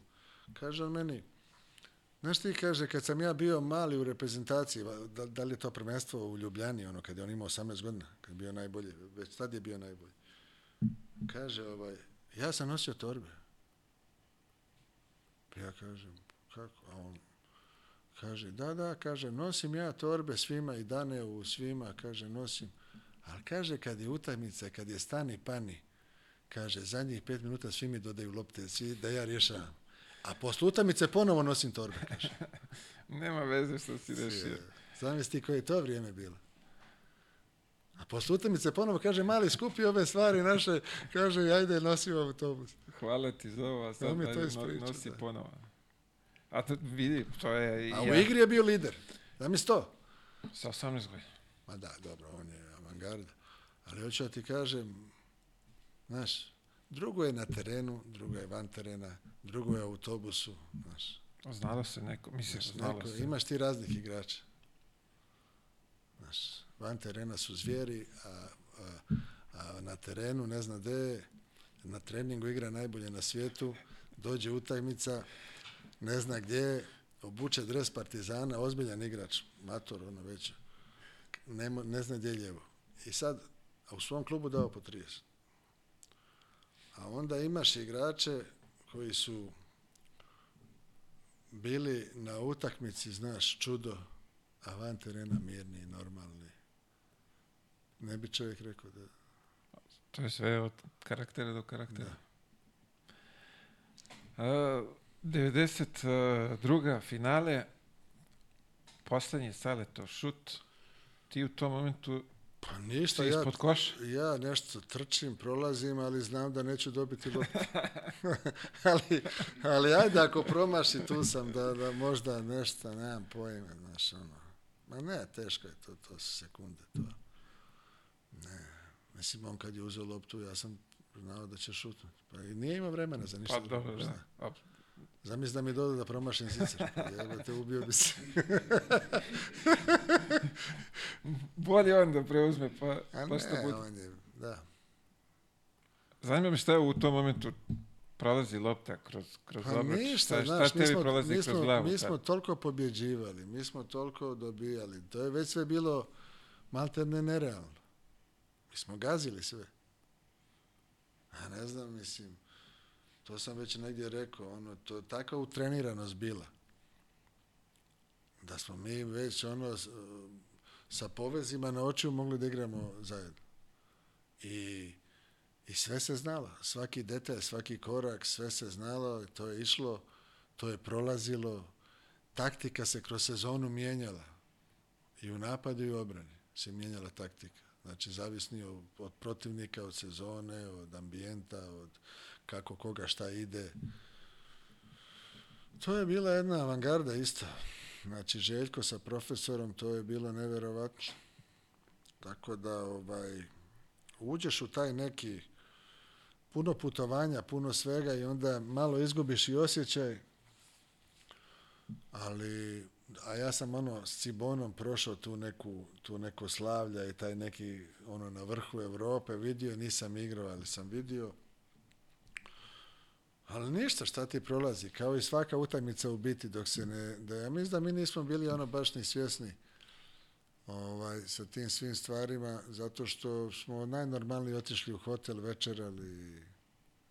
I profesor vas i tamo potkućio. Pa profesor, meni ispada čaša slučajno, nismo, ne, nismo ni pili šta na večeri, nego po, on kao šta radite to, kako se ponašate, ovaj kaže pa Ivo, kaže šta vi mislite, Kaže, u sredu Tuzla, ne znam šta je, igrali smo polufinal. Pa je ušao, ušao je, ja mislim, i u, i u, u tuš ovome što nije zagradio ovaj, igrača zadnju loptu, ono što nije zagradio Stragarcu, držao predavanje isto. Posle u mantilu finala. ušao ispod tuša. Posle finala, odmah tu. Čekaj, Stragi mi je rekao da je... ti, kaže, skakaćeš ti mene i tekako, ovo, nisi zagradio, majke mi, i onda Ka, mi ono... Stragi kaže ovde da ga je baš na uotu nešto bio na zub, jedno mesec dana da, da ga je baš ribo... Pa je Stragija, zato što Stragi, ovaj, ne znam zašto, imaju te neke svoje pacijente, recimo Kopriva ga je nervirao, zašto je Kopriva body language, to kažu amerikanci, onakav opušten i on misli da se on zeza da ovo, a koki je takav. I onda bi njega, nervirao ga ono, malte ne, kao da ga ne sluša, znaš, ti mene. I tako, i ovo je dosta vanjske igrače. Mene nije nešto maltetirao specijalno, onako, po neki trening bi me na zub, kad bi pogodio, ono, ne bi ništa pričao, čuto, onda prvi put kad bi promašao, kaj, onda bi bacio ono, ne znam šta, kaže, samo te gledam, pa ti ne možeš, kaže, ti samo promašuješ, a ja promašim. I tako, bio je, mislim, bio je čudo. Točno je znao kad i kako šta da priča, kakav sastanak da drži. Tu je Žeko napravio potez života i karijere, mislim, po meni je ovaj, to što ga je uzeo i što je učio od njega, to je bila velika stvar. Jer bio je profesor i u drugim klubovima nekim, pa nije baš to funkcioniralo sa svima tako. Znači, sa, prvo je Boša zvao u Trst, to je bilo super. I onda posle Bože u Split i na kraju Željko to dovi veliki kluba vrhunac raduje sa puno trenera posle, a nije sa svima to tako bilo. Jer nije lako prihvatiti nije lako prihvatiti tu filozofiju i taj trening. Da je on došao u onu generaciju koja je po talentu bila puno talentiranija od ove naše, tako da kažem, ajde, realno je tako da kažemo, diva Spaspalj Grba i ono, ja nisam siguran da bi on mogao da sprovodi to tako i da bi mi mogli da treniramo u tom sastavu po 4-5 sati taktiku i to. Evo sad to kažem, mislim, ja, ne da nisam, nego sam siguran da ne bi to bilo tako. E sad... Što misliš da ne bi moglo? Šta je, šta pa je zato razlog? što stvarno tu treba jedna posvećenost na neki drugi način. Tu nije dovoljan samo talent. Tu je u stvari Mislim, to mora bude koncentracija, to mora ti ne smiješ tu, to ne može, to, to, su, to je svaki trening je predavanje. I ti sad ne možeš tu, znaš, Diki Pipo ponekad ujutro na trening došao na šuterski trening, broj bi mu stajao tu, iza bi bila druga strana dresa, znači, znaš, on je bio čudo, možda i najveći talent s kojim sam igrao, vjerovatno, ali, ali je bio takav, znaš, i sad nisi ti mogao, s njim da radiš na taj način. Paljo je bio opet na svoju ruku, Grba na svoju, mislim. Tako da, ne znam, to je bio neki sklop tih nekih i klinaca i poluklinaca i, i malo starijih igrača koji su to istrpjeli. Split je to istrpio, radio. Tako da su postignuti, pa su napravili neviđene rezultate, mislim, tri put za redom. To je sve ostalo još od profe i od te, te ovaj, filozofije. A, e, ovo što me zanima sad, ne znam, iako je prošlo 30 godina o, ovaj, od toga, finale osvajaš titulu prvak si Evrope, a ti u stvari imaš mnogo većih problema u tom momentu od pa, tog slavlja to, to, ti je, to ti je kad, kad ovi kažu kaže Željko, Željko kažu ovaj, Saletova trojka vam je, nam je promijenila život. Pa meni je isto promijenila, ali na mnogo teži način. Znaš, jer da nismo bili prvaci Evrope, mene možda niko ne bi ni zarezivao kad sam se vratio u Zagreb. Ali problemi su bili veliki, normalno objektivni, zato što je bio rat i šta da kažem, mislim, to je jedna epizoda neviđena, to nije ni iskustvo, to je, mislim, ne znam kako bi to nazvao. Prvo ulazak i dolazak u Zagreb je bio kao da, ovaj, ja nisam imao papire, tako da sam preko Mađarske i, i Italije, našao se s ljudima u, iz Cibone, Dalipagić je tad bio u Italiji, onda sam kod njega spavao i onda ovaj, su oni došli Novos ili Aco Petrović je bio trener. I Bože Milićević došli su kod mene i pričali smo i oni su izrazili normalno ovaj, želju da me dovedu, meni se to svidjelo, Euroliga, ovo ono, nisam imao ni, ni približno ovaj, u glavi misao da to može biti takav problem. I onda kad sam ušao, onda sam prvo bio sedam dana u jednom hotelu, ovaj, nisu objavili da sam se vratio. I onda su napravili konferenciju za štampu i onda je to tako krenulo malo.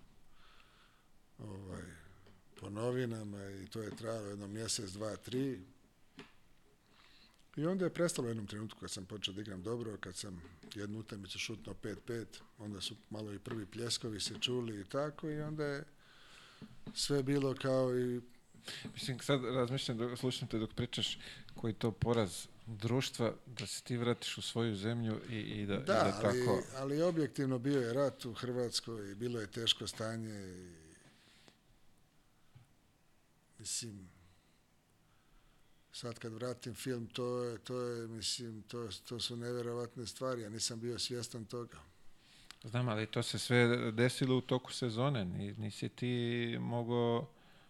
Da, ovaj- da, to je, ali dobro, bilo je već ono, bilo je već problema, tako, to je istina, da, ali šta ti kažem, ja ovaj, početku nisam imao pritisak ni od familije, ni od koga, ono u smislu, više sam se brinuo za njih, ali u principu oni nisu htjeli da me uznemiravaju, tako da ni otac ni majka, tako da ovaj, nisam imao tu nekih pritisaka što se toga tiče. Brinuo sam se više o njima. Rekao, odigraću to i ono, mislim, ne bi imao problem da sam otišao. Mislim da bi to prihvatili svi ljudi u Partizanu, ali ovaj, Još je to bilo ono, nije se znalo. Pa prošlu godinu smo mi igrali najnormalniju ligu. Mislim, sa, sa Splitom finale i to. Ali dobro, mislim, ja, ja sam naravno i, pri, i išao, ovaj, iako su i mnogi govorili da sačekam, da ne, da odem negde da igram, ja sam smatrao normalno da ništa nisam napravio loše i da, i da treba se vratim kući najnormalnije. To je to. Ovo je da. tako poneblje da, da. da logične stvari ljudi ne razumeju da. ili ne žele da razumeju i od toga pa dobro, da... mislim, to je sve život. Ono što se kaže i to tako prihvatiš, nema tu nemaš ti tu, to, to nema tu, nešto, dosta je vremena prošlo i sve se normalno završilo, što je najvažnije. Sport je pobjedio i to je to. A, reci mi, poslije Cibone ti imaš i izlet u Španiju? Pa imam izlet u Španiju, u Maresu, da, onda sam otišao. Nudili su mi da ostane, posle je bilo sve super u Zagrebu. Ma, mislim, ono, prihvatili su me super i možda sam tu i trebao da ostanem, zato što su mi nudili sve i nudili su mi da, ovaj, igrali su Euroligu. Ali dobro, ja sam ovaj, odlučio da idem i i ovaj, opet sam ono, otišao sam zato što mi je opet Španija bila izazov i tako. I htio sam da idem vani, da idem, da se probam, tako, da probam. Zim, Španija u tom momentu... Kako... A samo dva stranca. Znaš, nije tad bilo dva stranca i evo, to je bilo to. Bilo je dobro, imao sam dobru ovaj, sezonu, tamo Resa imalo, to je bila najbolja sezona do onda. Pedro Martinez je bio trener, Pedro Martinez. Da, bio klinac, ono isto ima. Ček, on je... Ne znam koliko ima, da li ima... Pa, pazi, ja sam ga zahvatio vamo u... Da, on je još isti, uvijek isto izgleda. Pa on je bio trener, bio mlad, ambiciozan. On je važio za jednog od najboljih njihovih trenera španjolski. Katalonac isto, tamo je, on je tamo iz Marese isto. Tako je, da, njegove, ako, ako se dobro ne varam. I ništa, to je bilo super Čiči Kreus, 44 godine, playmaker. Kakav igrač je to je. 44. Pa da. Igrao posle mene još 2-3 godine. Mhm. Tad je imao 40 kad je samo. A ovde su... I Penjaroja, ovaj igrač, ovaj coach, Baski. Penjaroja je igrao play, ovaj bek. Borac, dobar igrač bio. I Granger Hall i Singleton, dva, dva ovaj, crna i ja. I bili smo, bili smo treći, četvrti, peti do kraja lige skoro. Neverovatno. Željko vodio Juventud, bio prvak Evrope ta te godine. On je isto došao u Španiju. Tako da... Zanimljivo iskustvo. Da, kako nije, kako nije. Kad, je, kad, je, kad se de, de, da, događa Nemačka? To je godinu da, posle Nemačka, ili? Da, posle, da. Išao sam ovaj, bio sam u Izraelu i onda Nemačka i to je isto neka priča. Ovaj, tu sam igrao 3-4 mjeseca ovaj, kad je zvao me jedan agent, kao, ajde, molim te u play-offu. Treba kažem, čekaj, jesi ti normalan da igram drugu ligu ovaj, Njemačku? Ne, molim, znaš šta, to ti je, kaže, najperspektivnija ekipa u Njemačkoj. Igra ne, Novicki ti igra neki, ovaj, on mi pošle faksom sliku.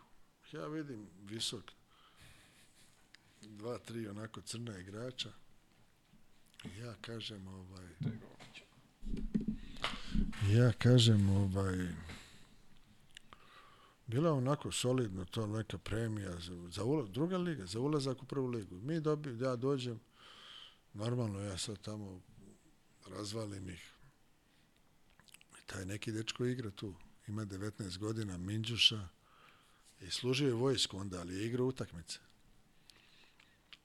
I, ovaj, mi sad dobijamo, dobijamo, dobijamo. I ovaj, to sad ide ka, ka play-offu. I, ovaj, I on pred play-off njega nema, znaš, Dirka.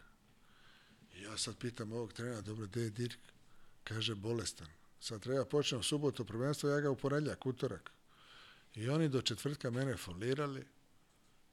A treba da se igra dosta utakmica. Tu sad istog zapad, pa po, po čet, osam u grupi, pa tu prvo svako sa svakim, pa posle... Pl... Ja kažem, vi mene zezate, a ja imam premiju, znaš. Pa ja kažem, bonus. A kaže on meni, ja, on ti je otišao, kaže, u Ameriku na onaj Nike-ovu. Ja, a on onako bitan, ogroman, šutirao on i ta trice i skako i sve. Ja kažem, jeste vi normalni, gde ste ga pustili sad da ide? Ja, znaš Ivo, on je Nike, pa moro je. I on čovjek tamo dao 33 na tom, na toj utakmici. I ovaj Kubak poslao avion po njega. E, to ti je to. I onda se vratio, mi smo dosta utamice i bez njega dobili. I onda kad se vratio, nastavio da igra i to je to. Išli u prvu ligu, od onda je Witzburg u prvoj ligi. A on ti je tad otišao NBA. Čiji veliki Dirk veliki. rastao pored tebe. Da, a ne, on, znaš, znaš što sam ja radio, ja sam ga zezao, svašta je to bilo. I mene njegov tata vozi, ja kažem, mogu te vozim na aerodrom, kaže on meni, znaš, ja kažem, možeš. I on dođe, vozimo se mi na aerodrom u Frankfurt i on meni kaže, znaš ti, kaže, šta bi ja, kaže, volio, kaže, šta je meni želja, kaže, šta, kaže, da moj sin jednog dana igra kod ti, kaže. Kažem, dobro, važi. I ja sljedeće godine u novom mestu ležim na prosjedu, gledam njega, a on u Dallas, to ti je neviđena karijera, neviđen der. Nikad ga nisam vidio posle. Znači, da. niste se sreli nigde posle? Nigde, ni ovde na ono evropsko kad je bilo je bilo Europsko u Beogradu. Tako svijet, je, Euro. 2005.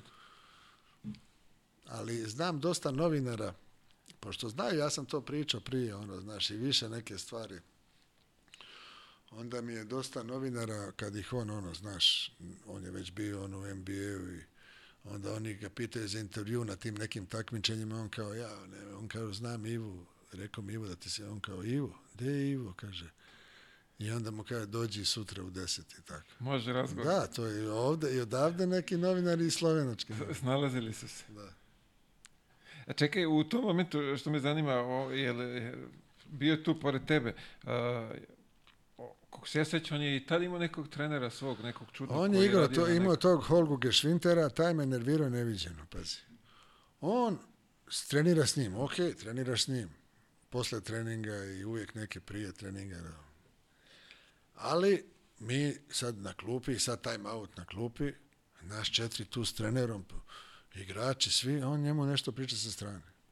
Evo, meni pukne film jednu tim i da kajem ovome, alo, pa šta rade oni tamo, jeste vi normalni, nek dođe ovde, nek sluša, šta mu priča on tamo sad?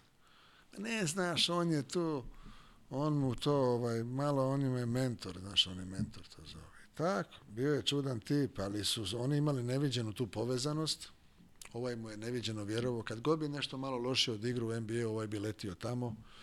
Išli bi na odmore zajedno, išli bi. To je neka zaista neviđena ovaj, naš ono... Ali funkcioniš. Funkcioniš, ali... su dobar ali, Da, da. Zanima me, ti mogu da izvojiš sad iz te tvoje karijere a, najtežeg protivnika koji, s kim se susreo? koga sam čuo. Da. Pa šta znam, ono, dobro. Ga Mislim, ko ti da zadao da naj, na, najveći problem? Dražen, Dražen, ono, ajde, čuvaš ga. Ali recimo, ajde sad onako kad me pitaš, ovaj, Galis, recimo, Galis. Sve napraviš kako treba i on preko tebe, znaš. A mali. Ne znaš da, da se odmakneš, jer ima taj, on je imao tad tu neku kontakt igru, pa neki dupli izbačaj. Paljo ga je super čuvao.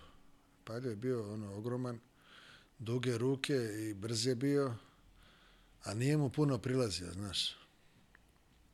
I onda bilo je pet finti, Paljo ništa i onda to je zajebano, znaš, kad, kad ne reaguješ na fintu. Tako da, ajde sad tako na prvu, bilo je puno Jasno, da, igrača, da, ali... znaš, ono. Mislim, da, Najviđenije koje šta ja znam sad, bilo je tih strelaca u jugi koliko hoćeš. Sad držiš Duška Ivanovića ili Perasa, to ti se, mislim, to je na ivici povraćanja. Zato što se tako kreću i to oni nestaju, Peras nestaje. Peras, ja mislim da oni je u mjestu e, onaj fintira. A to, bili smo spremni, bili su, naš ono, to, to, to se trčalo sad. Ja ne znam kad bi to sad se izmjerilo, ovi sad imaju koliko su pretrčali. Mislim, kad mi neko kaže, znaš, ne kreću se ono prije statički. Pa ja sam neki dan izašao na ono YouTube-u kako pričamo, pa neka utamica s jugoplastikom, pa sam se iznervirao kad sam gledao. A kamoli, znaš, ono, na terenu. Sad kad si rekao to merenje, e, ako se ja ne varam, neki podatak je da od 2,5 do 3 kilometra ovaj, igrači pretiče za vreme utakmice. Pa, znaš šta, košarka... Ti kad pogledaš, to nije mnogo, znaš. Ko, nije mnogo, ali košarka je specifična, zato što ti tu imaš printeve po 5-6 metara, Tako 10, 15, ono, vratiš se, imaš dobro, istrčiš kontru, normalno, trčiš gore-dole, ali, ali ovaj, neki trče od 30 do 30. Tako da. Zavisno koju ulogu ima, zašto je, zašto je ovaj, nadaren. Da. Ovi što nisu nadareni, oni trče. Držao sam tog Oskara Šmita isto, on je bio pred kraj karijere za Valjadolid, mislim. Sad ti tu ne vidiš ništa, on bez driblinga primi odmah šutne. Ogroman je i on, on ima 2, 5, 6, tako, 7. Ali svaku daje. To je nevjerovatno. Naš Oskar Šmit. Znam li tako. Je. To je jedan najbolji strelaca svih vremena. To je samo da se moliš da promaši, da mu nije dan. Da. Pa ne, pazi, u Španjolskoj je to, mislim, fizički najzahtevnija liga. To je, to moraš stvarno da ovaj, svako kolo čuvaš ili crnog igrača ili amerikanaš ili šutera neviđenog i ovo i on tebe čuva, znaš. Tako da to je baš... Da, nije ono... bilo toliko velikih, veliki broj stranih igrača, pa je onda... Nije, ali ovi Špančići, znaš, treba to hvatiti, treba to, znaš, kako je to, ti sad igraš u Euroligi ili u ovoj Champion Ligi ili, ili u nekom evropskom kupu sa jednom, dve ekipe Španjolska, tamo igraš svako kolo i još igraš na treningu, se ju, ga, ga ovaj čuvaš. To je ozbiljna, ozbiljna fizikalija mislim, moraš biti spreman maksimalno da bi, da bi to mogao da, znaš, kod nas možeš malo ono, malo si da se provučeš, malo ti pomognu, malo, znaš, ono, već malo i na iskustvo znaš njegove navike, tamo sve novo je, da, znaš, da, da, moraš da. sve po principima. Nezgodno. Nezgodno. E, sad mi pada na pamet kad spomenuo Špančići, ovaj,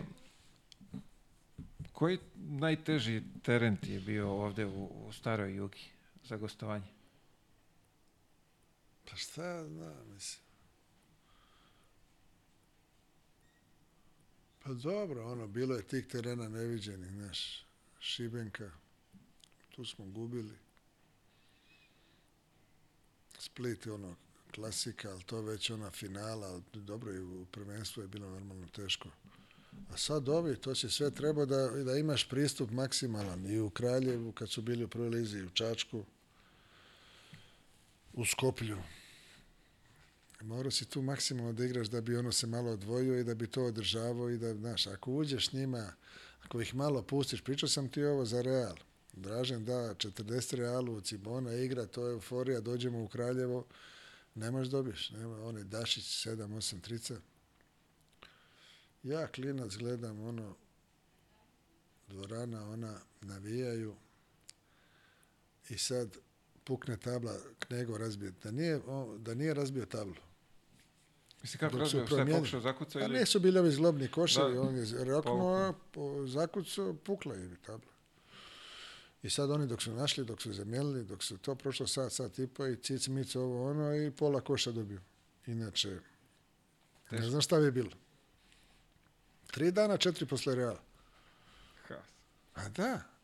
Ili u Čačku, ili ovo. Moraš stvarno da odigraš ozbiljno. U Šibeniku. Mislim, te, je bilo je tih terena. Ne, nije bilo lako ćemo, nikad. Hoćeš da ispričaš ovu anegdotu što si rekao kad si sa Kvarnerom gostovao u Kraljevu?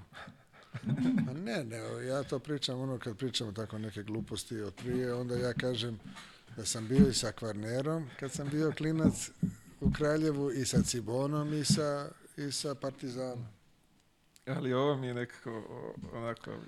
Ma da, onda to je nama bilo, mislim, meni bilo interesantno, ovim mlađima smo sjedili na klupi, jer su ta tri, četiri su bila iza, nije bilo tad ni pleksiglasa, nego su oni sjedili iza i te fore su, ovaj, malo su ono zezali, dobacivali, onda u jednom momentu, uvijek je bio jedan koji malo ono napada, a drugi brani one fore, znaš.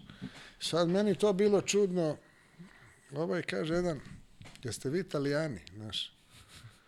Ja gledam, reku, šta je ovo, kaže, pa kaže, vi mislite ovde, kaže, da dobijete utakmicu, kaže, pa mi smo, kaže, Nemce oterali odavde, kaže, a nećemo vas, kaže, Italijančići.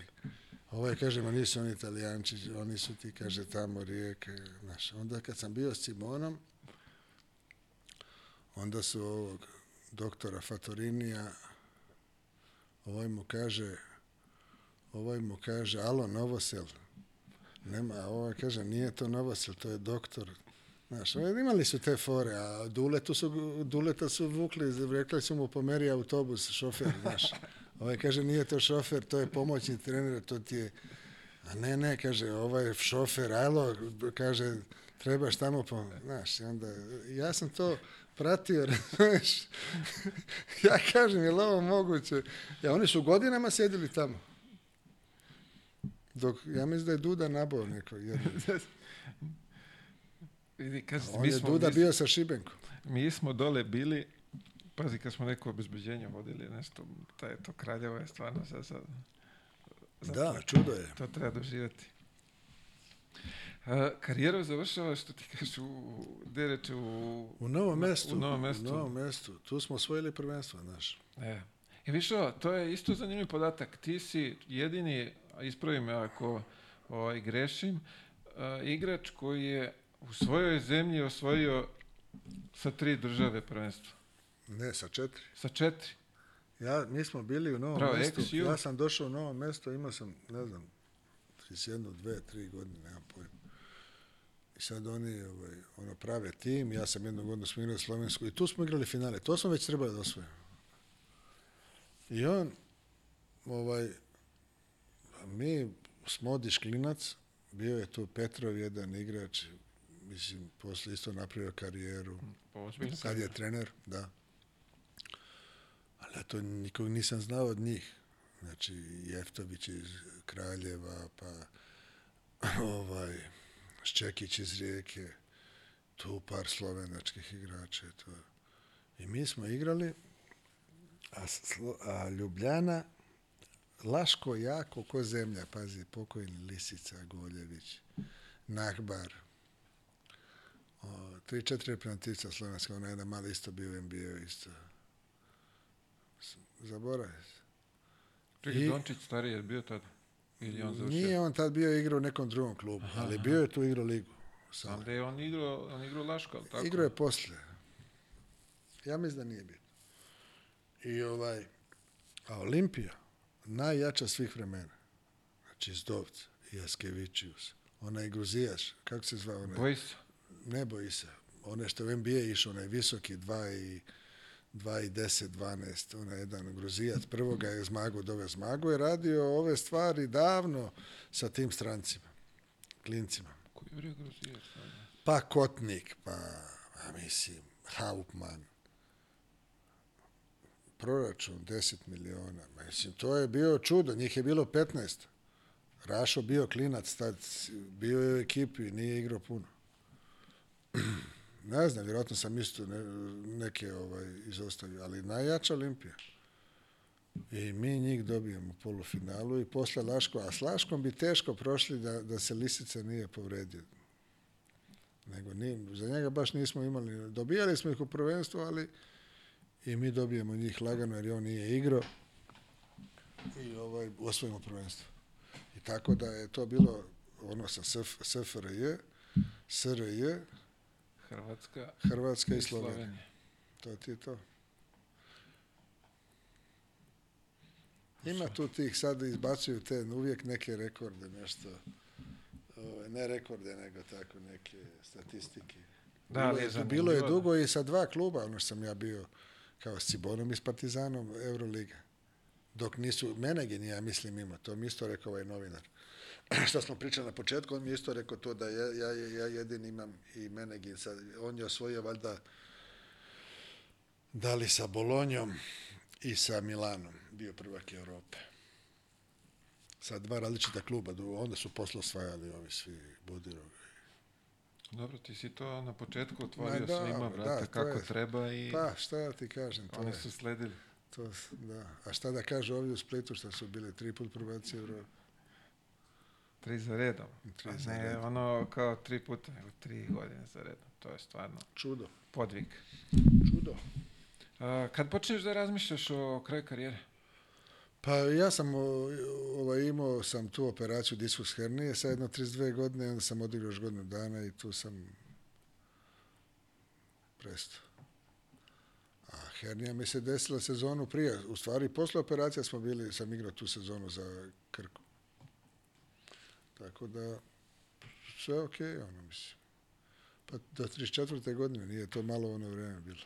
Sad igraju puno više i puno duže, ali, ali šta ja znam, mislim, ja sam ovaj, bio u svim tim trenažnim procesima, kadetska, juniorska implementacija, pripreme svako ljeto, svako, baš sam ono bio i radio sam i da ti budem iskren, ja ne znam koliko sam treninga izostao u 20 godina i više. Možda ne znam koliko sam mislio. Možda dva, ne, mo, ali na prste jedne ruke sigurno. Da nisam trenirao. A neki koji su folirali, i to ozbiljno, igrali su do 38 pa vi vidite, deco, šta vam se isplati, e, da ćete, folirate ili... A dobro, A onda je bila i sramota da se masiraš, da, da, znaš, ono, Mate, tražiš masaž. Sad ti ležiš na tom stolu, znaš kako je to bilo. Ja, šta mi reče, šta mi reče Stragi da su vam davali aspirin nešto što imali ste u 92. u Przanu. Da reče aspirin još nešto su vam davali, ma to je bilo kak, sve što su imali, ma, kaže. Ma aspirin? Znaš šta, onda je to bilo i sramota da ti nešto uzimaš, da nešto, ja ne znam ko je to. Niti si znao, niti si, niti si imao predođbu šta treba, niti. Pio si vodu i Onda ovi jedni kažu, pi dosta vode dok te ovaj jedan viče. Onda drugi ti kaže, ne, nije dobro, nemoj da piješ ovo, znaš. Da li mi reči, da li je Stragi ovde pričao, ste imali neke para za limunadu, je li tako bilo u slučionici? Nešto, mi ne mogu sad da se setim čoveče, ali ne, nešto, više, kaže, taj, bio taj para za limunadu i aspirin i još nešto, to je sve što smo imali od, od ovih. Ma nisi imao ništa, šta ti... Znaš kako su, ne znam kako smo mi, izgledali njima, ali on, o, ovi ekipe italijanske i španjolske, to su bili za nas NBA, ono i po opremi i po svemu, znaš, ono. A vi u svim patika? Pa mi u patikama, dobro, kupovali smo svako sebi. Simod nisi mogao, ja Simod nisam nosio. Pa gdje ćeš Simod? One pucale su na jednom treningu. To je promašaj bio, oni dresovi, ajde, bili su fora neka, to su šili tamo u Italiji, ali patike smo kupovali odmah, svi svako svoje. Pa de, kako? Nije to bilo to, mislim. Jednom na podbacivanju ja imao one, one kronos, znaš, i bile su Praja i Dražen. I sad ja čuvam Dražena i ono, znaš, podbacivanje i on mi pogleda dole, kaj, viš ti šta ja nosim. I on ništa tu, znaš, ono, Ja dođeo mi u srijedu u Zagreb i kaže, meni ovaj ekonom Leko, kaže, dođi da ti dam nešto, Dražen ti je ostavio. Šta mi je ostavio? A on išao za Real već. Već se znao da je potpisao za Real. Kaže, ovaj, ja uđem e, tamo kod njega, onaj ekonomat, on mi da one, Dražen mi ostavi one patike, one ribok. Znaš kakve su to patike tad bile? To je bila koža ko rukavice, mekano, to sam nosio dok nisu se raspale. Stvarno su bile vrhunske, ono. Tako. Net. A danas? Danas? A danas ka, ništa. Želiš. Danas imaš, ne znaš, danas mijenjaju na poluvremenu, pa obuku jednu zelenu, jednu roze, pa... A dobro, ja to sve shvatam, oni gledaju normalno. I mi smo tad gledali te neke, ono, gledaš kako se u Italiji nosi, kako, tad je Italija bila čudo. je. To je, to je, sve, to je sve u korak s vremenom, šta kažu. To je Ma... to, vi ste pratili tad italijansku modu, ovi sad pa Ta, prate sada pratiš, američku. Ne, američku sve, znaš, to je. Sad je sve amerikanizirano, pogotovo na zapadu i pa i kod nas, znaš, ono, ta djeca. Šta ćeš kad gledaju te pjevače, te muzičare, sportiste, to je sve tako. To sve ide jedno s drugim. Slušaju tu muziku i to je normalno. Prate se trendovi. Prate se a, trendovi. A, zanima me, jesi imao plan a, posle, što bi se reklo, za penziju? Pa nisam Čime imao plan. Ko je imao plan tada? Mislim, gde smo mi imali planove? Plano, sve je došlo tako naprasno i brzo i... Mislim, ono, završaš jedan, jednu da. karijeru. Da, da, da, da, da. Pa završavam karijeru i tu sam, gradio sam jedan objekat na Dedinju gore i s jednim prijateljem. Pa me onda Rade zvao da radim sa njim, Filipović u BDA i tako. Mislim, to je odmah posle završetka? Ne, baš ili... odmah, posle par godina. Posle jednu godinu, dve sam gradio taj objekat, a posle me Rade zvao. Već je Dragutinović bio u toj kompaniji. Aha.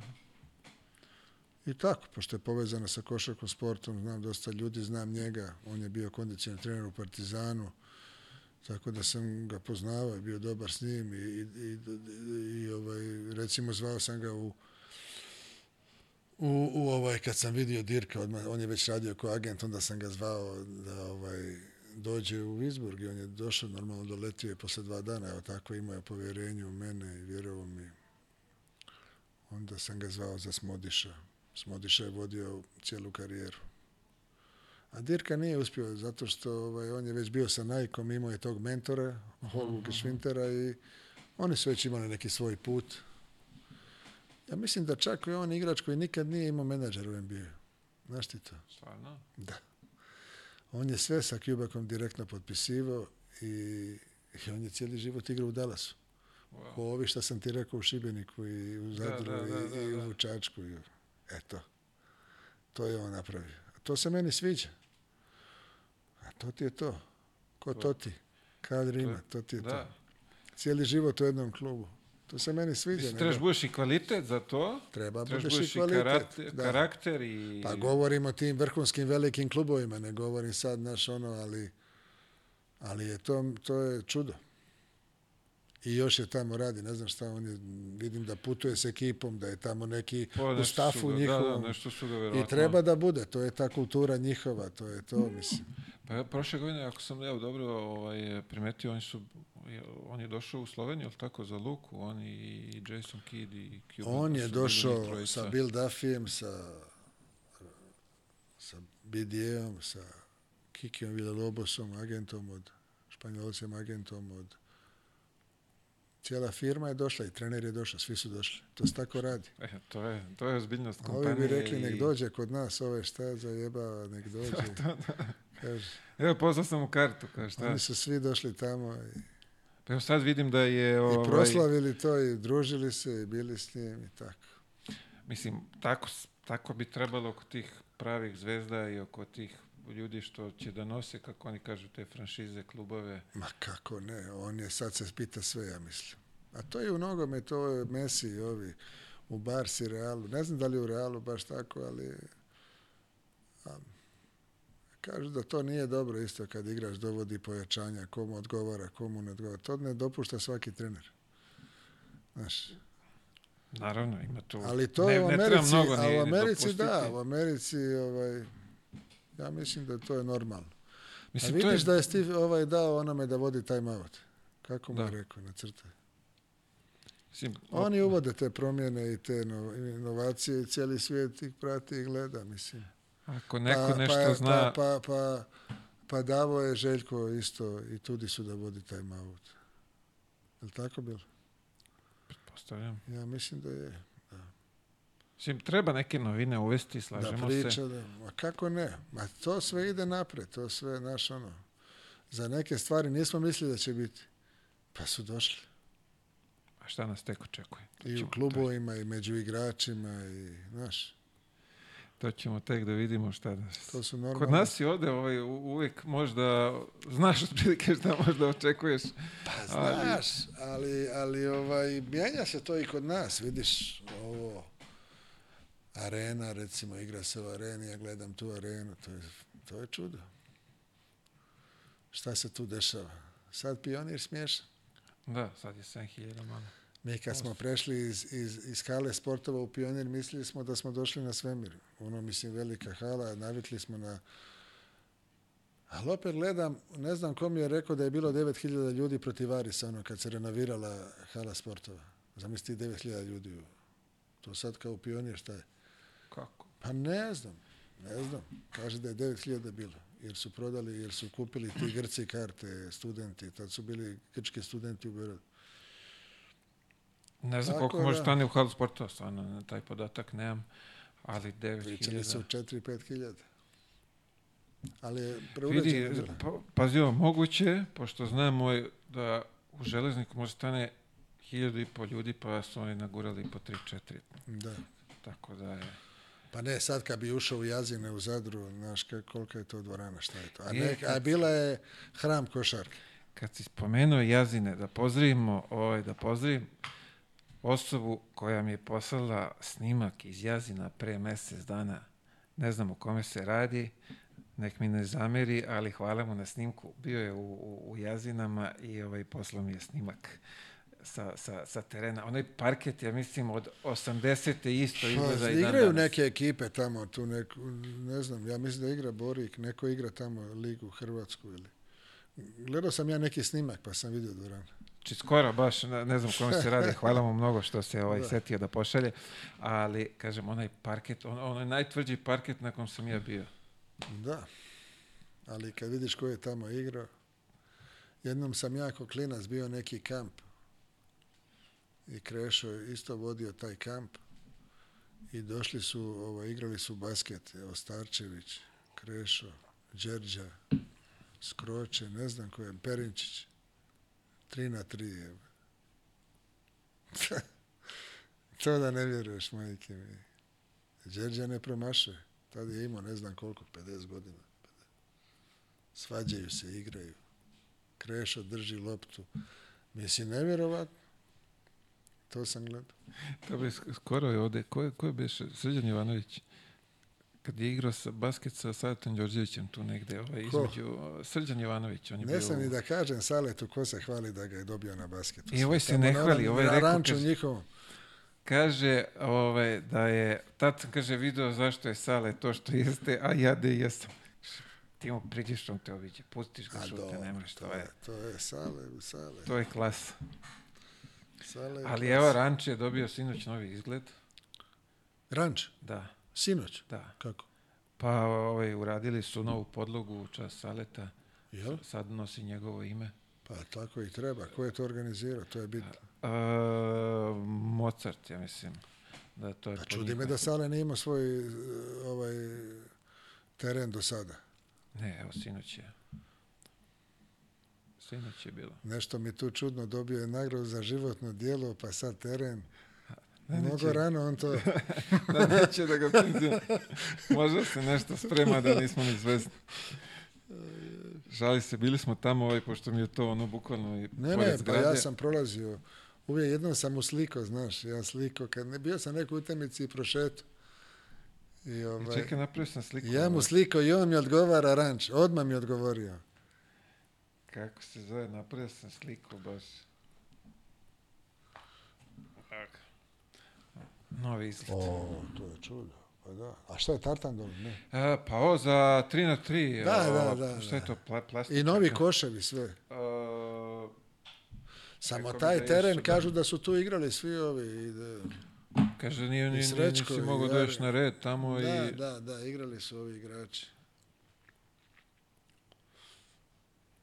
Nisi prelazio iz putnika tamo? Da... Nisam, ne, pa već smo bili profesionalci, pa ono, de, de, da ne bandažiraš se i ovo, ne možeš tako. Ali de bi igrao, to nema. Ne mogu ja, to je njihova teritorija, ja ne zalazim. to što je njihovo. Kaže da je najbolji basket bio tamo u gradu. Tamo, pa dobro, ima, pričaju, da. I ove ovaj moje komšije tamo isto hvale se da su... Igrali tamo? Pa i da su igrali, da su najbolji basketi se igrali tamo da. i dobra imena dolazila, da to da je pucalo od Bate, Saletog Ćaleta, pa Pa kako nije? Jarića. Ne znam da je čak i Moka, mislim da je igrao tamo, živio na novom, ne znam, ne znam, ali pričali su, su pričali, nabrajali su te igre, sad zaboravio sam Praja, nemam pojma, pomiješao sam sve. Moguće, moguće. Uh, zanima me reprezentacija. Prošao si sve ove mlađe selekcije sve sam prošao mlađe i dobro, na mojem, na mojem mjestu je bila neviđena konkurencija.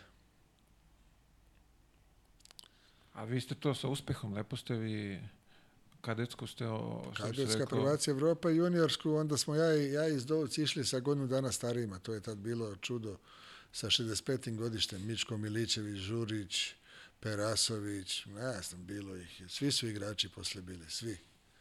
Pa Stibane Prelevića je vratio kući kod 13. onda se jedan razbolio Perić iz Splita i razbolio se i onda je njega zvao naknadno da se vrati, da dođe. I on odlučio maltene finale u, ne maltene, nego odlučio finale u produžetku protiv Njemaca. I on postao igrač neviđen dao Ciboni 30 pojena, mislim, nevjerovatno. On kad je meni rekao da ide u Grčku, ja sam mislio da je poludio. A on proigrao igra u Zvezdi, razvalio Cibonu. I on meni kaže, znaš, idemo u Grčku, Pa rekao, kako Grčku? Nije tad bila Grčka ko sada. Pa kaže, idemo u Grčku, a njegov tata valjda imao viziju i ne znam koga je to savjetovao, on je uzeo odmah taj državljanstvo. Posle njega su odlazili pecarski avion. Ali on je otišao, ne znam, 89. 80, nemam pojma. Što bi se reklo pre svih? Ma prvi je on otišao. Tako da, ovaj, bila je ne, neviđena konkurencija, šta, pa od Dražena, pa do ovih, pa posle. Zato što, ovaj, i onda normalno, mislim, glupo je sad pričam nešto, razgovarao sam sa Dudom, jednom je bio i ob... mislim, ne, nije bitno sad, glupo je o tome da se priča, ali bio sam na dva balkanska prvenstva, zlatno, isto dobra reprezentacija, ozbiljni igrači, svi prvoligaški i to i čak je i Sales nije s nama jedne godine išao, nije bio on tada u, u A reprezentaciji. I onda je Sale išto išao, mislim, u, u Turskoj, ne znam gdje je bio. I tako, uglavnom imam, ne znam, bio sam po nekim turnejama i tako. Baš pr prva turneja kad je Ćosić vodio u Japanu, Pešić bio pomoć. Tada je Ćosić postao selektor isto ta neka selekcija. I tako.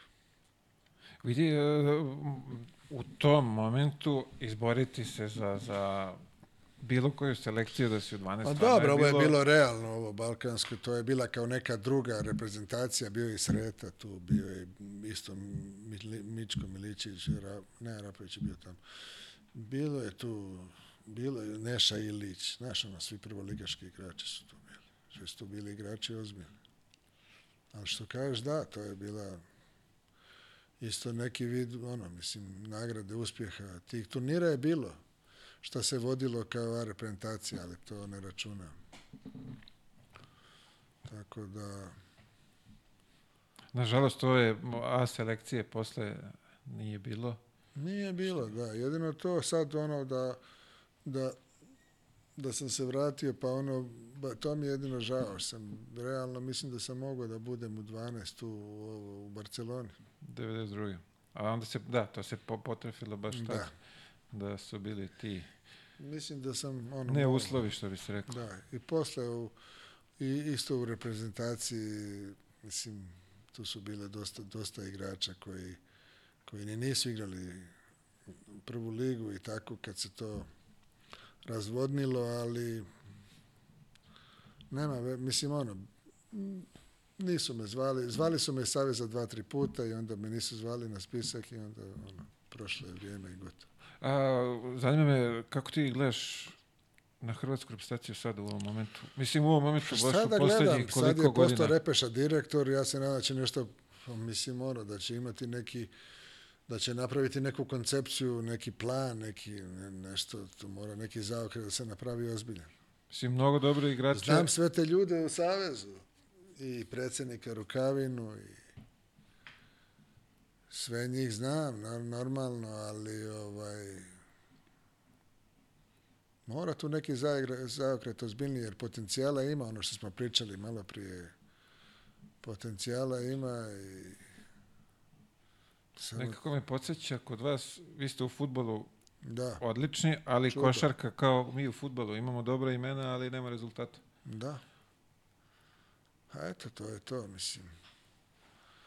S tim trenerima. Ne znam šta bih rekao, to je sad treba malo neka dublja analiza i sad da kritiziram, to mi je glupo jer ovaj, svi sve znaju. Pa mislim, od kritika i nema na neke vajde, nema, ali nema da. Nema vajde, nema nikakve vajde, to od temelja treba kažem, sad je došao Repeša za direktora, vidjet ćemo, mislim, vidjet ćemo ovaj, kako će to ići, isto se igrači odazivaju, ne odazivaju, neki su zaista ono uvijek na raspolaganju, uvijek su tu, neki kalkuliraju i tako, svega ima. Ali generalno imala je dobre igrače Hrvatska i kroz zadnje ovo vrijeme i kroz NBA i i sada isto, tako da nema razloga da se ne napravi dobra ekipa. Ha, Ali bitna je ta kemija, bitna pa atmosfera, puno stvari je tu bitno. Nije to samo. Jednom su dva puta bili blizu i ovdje u Beogradu ono što... Ali to je tako, onda to krenu u nekom drugom pravcu, krenu smjene, krenu onda sve iz početka i tako. A u stvari bitan je kontinuitet neki da bi bitan se do nekog rezultata došlo. Bitan je kontinuitet. A, šta bi izdvojio, aj kažemo, za najteži moment u karijeri? Pa, šta da kažem, u kom smislu, košarkaškom, košarkaškom životnom? da, košarkaškom. Pa dobro, ovaj, taj povratak u Zagreb, to je bilo najteže, to je, mislim, zato što čovjek nije ni naviknut na, taj, ta, na te stvari, ali Ali, ovaj, pa mislim, bilo je dosta teških momenata, zato što nije sve to išlo tako glatko i, i u Partizanu. Bilo je to jako teško, da nisam bio spreman i da nisam trenirao i da nisam bio uporan i ovaj, otpobija tu. Sto Što dovodi do da, da. zaključka da bez napoljnog grada nema... Nema bez, nema bez tog fanatizma ništa. To mora bude jedna doza fanatizma i, ovaj, i sadomazo, jer, jer ovaj, tu su prepreke neviđene. Tu su prepreke neviđene i onda ovaj, dešava se svašta na tom putu.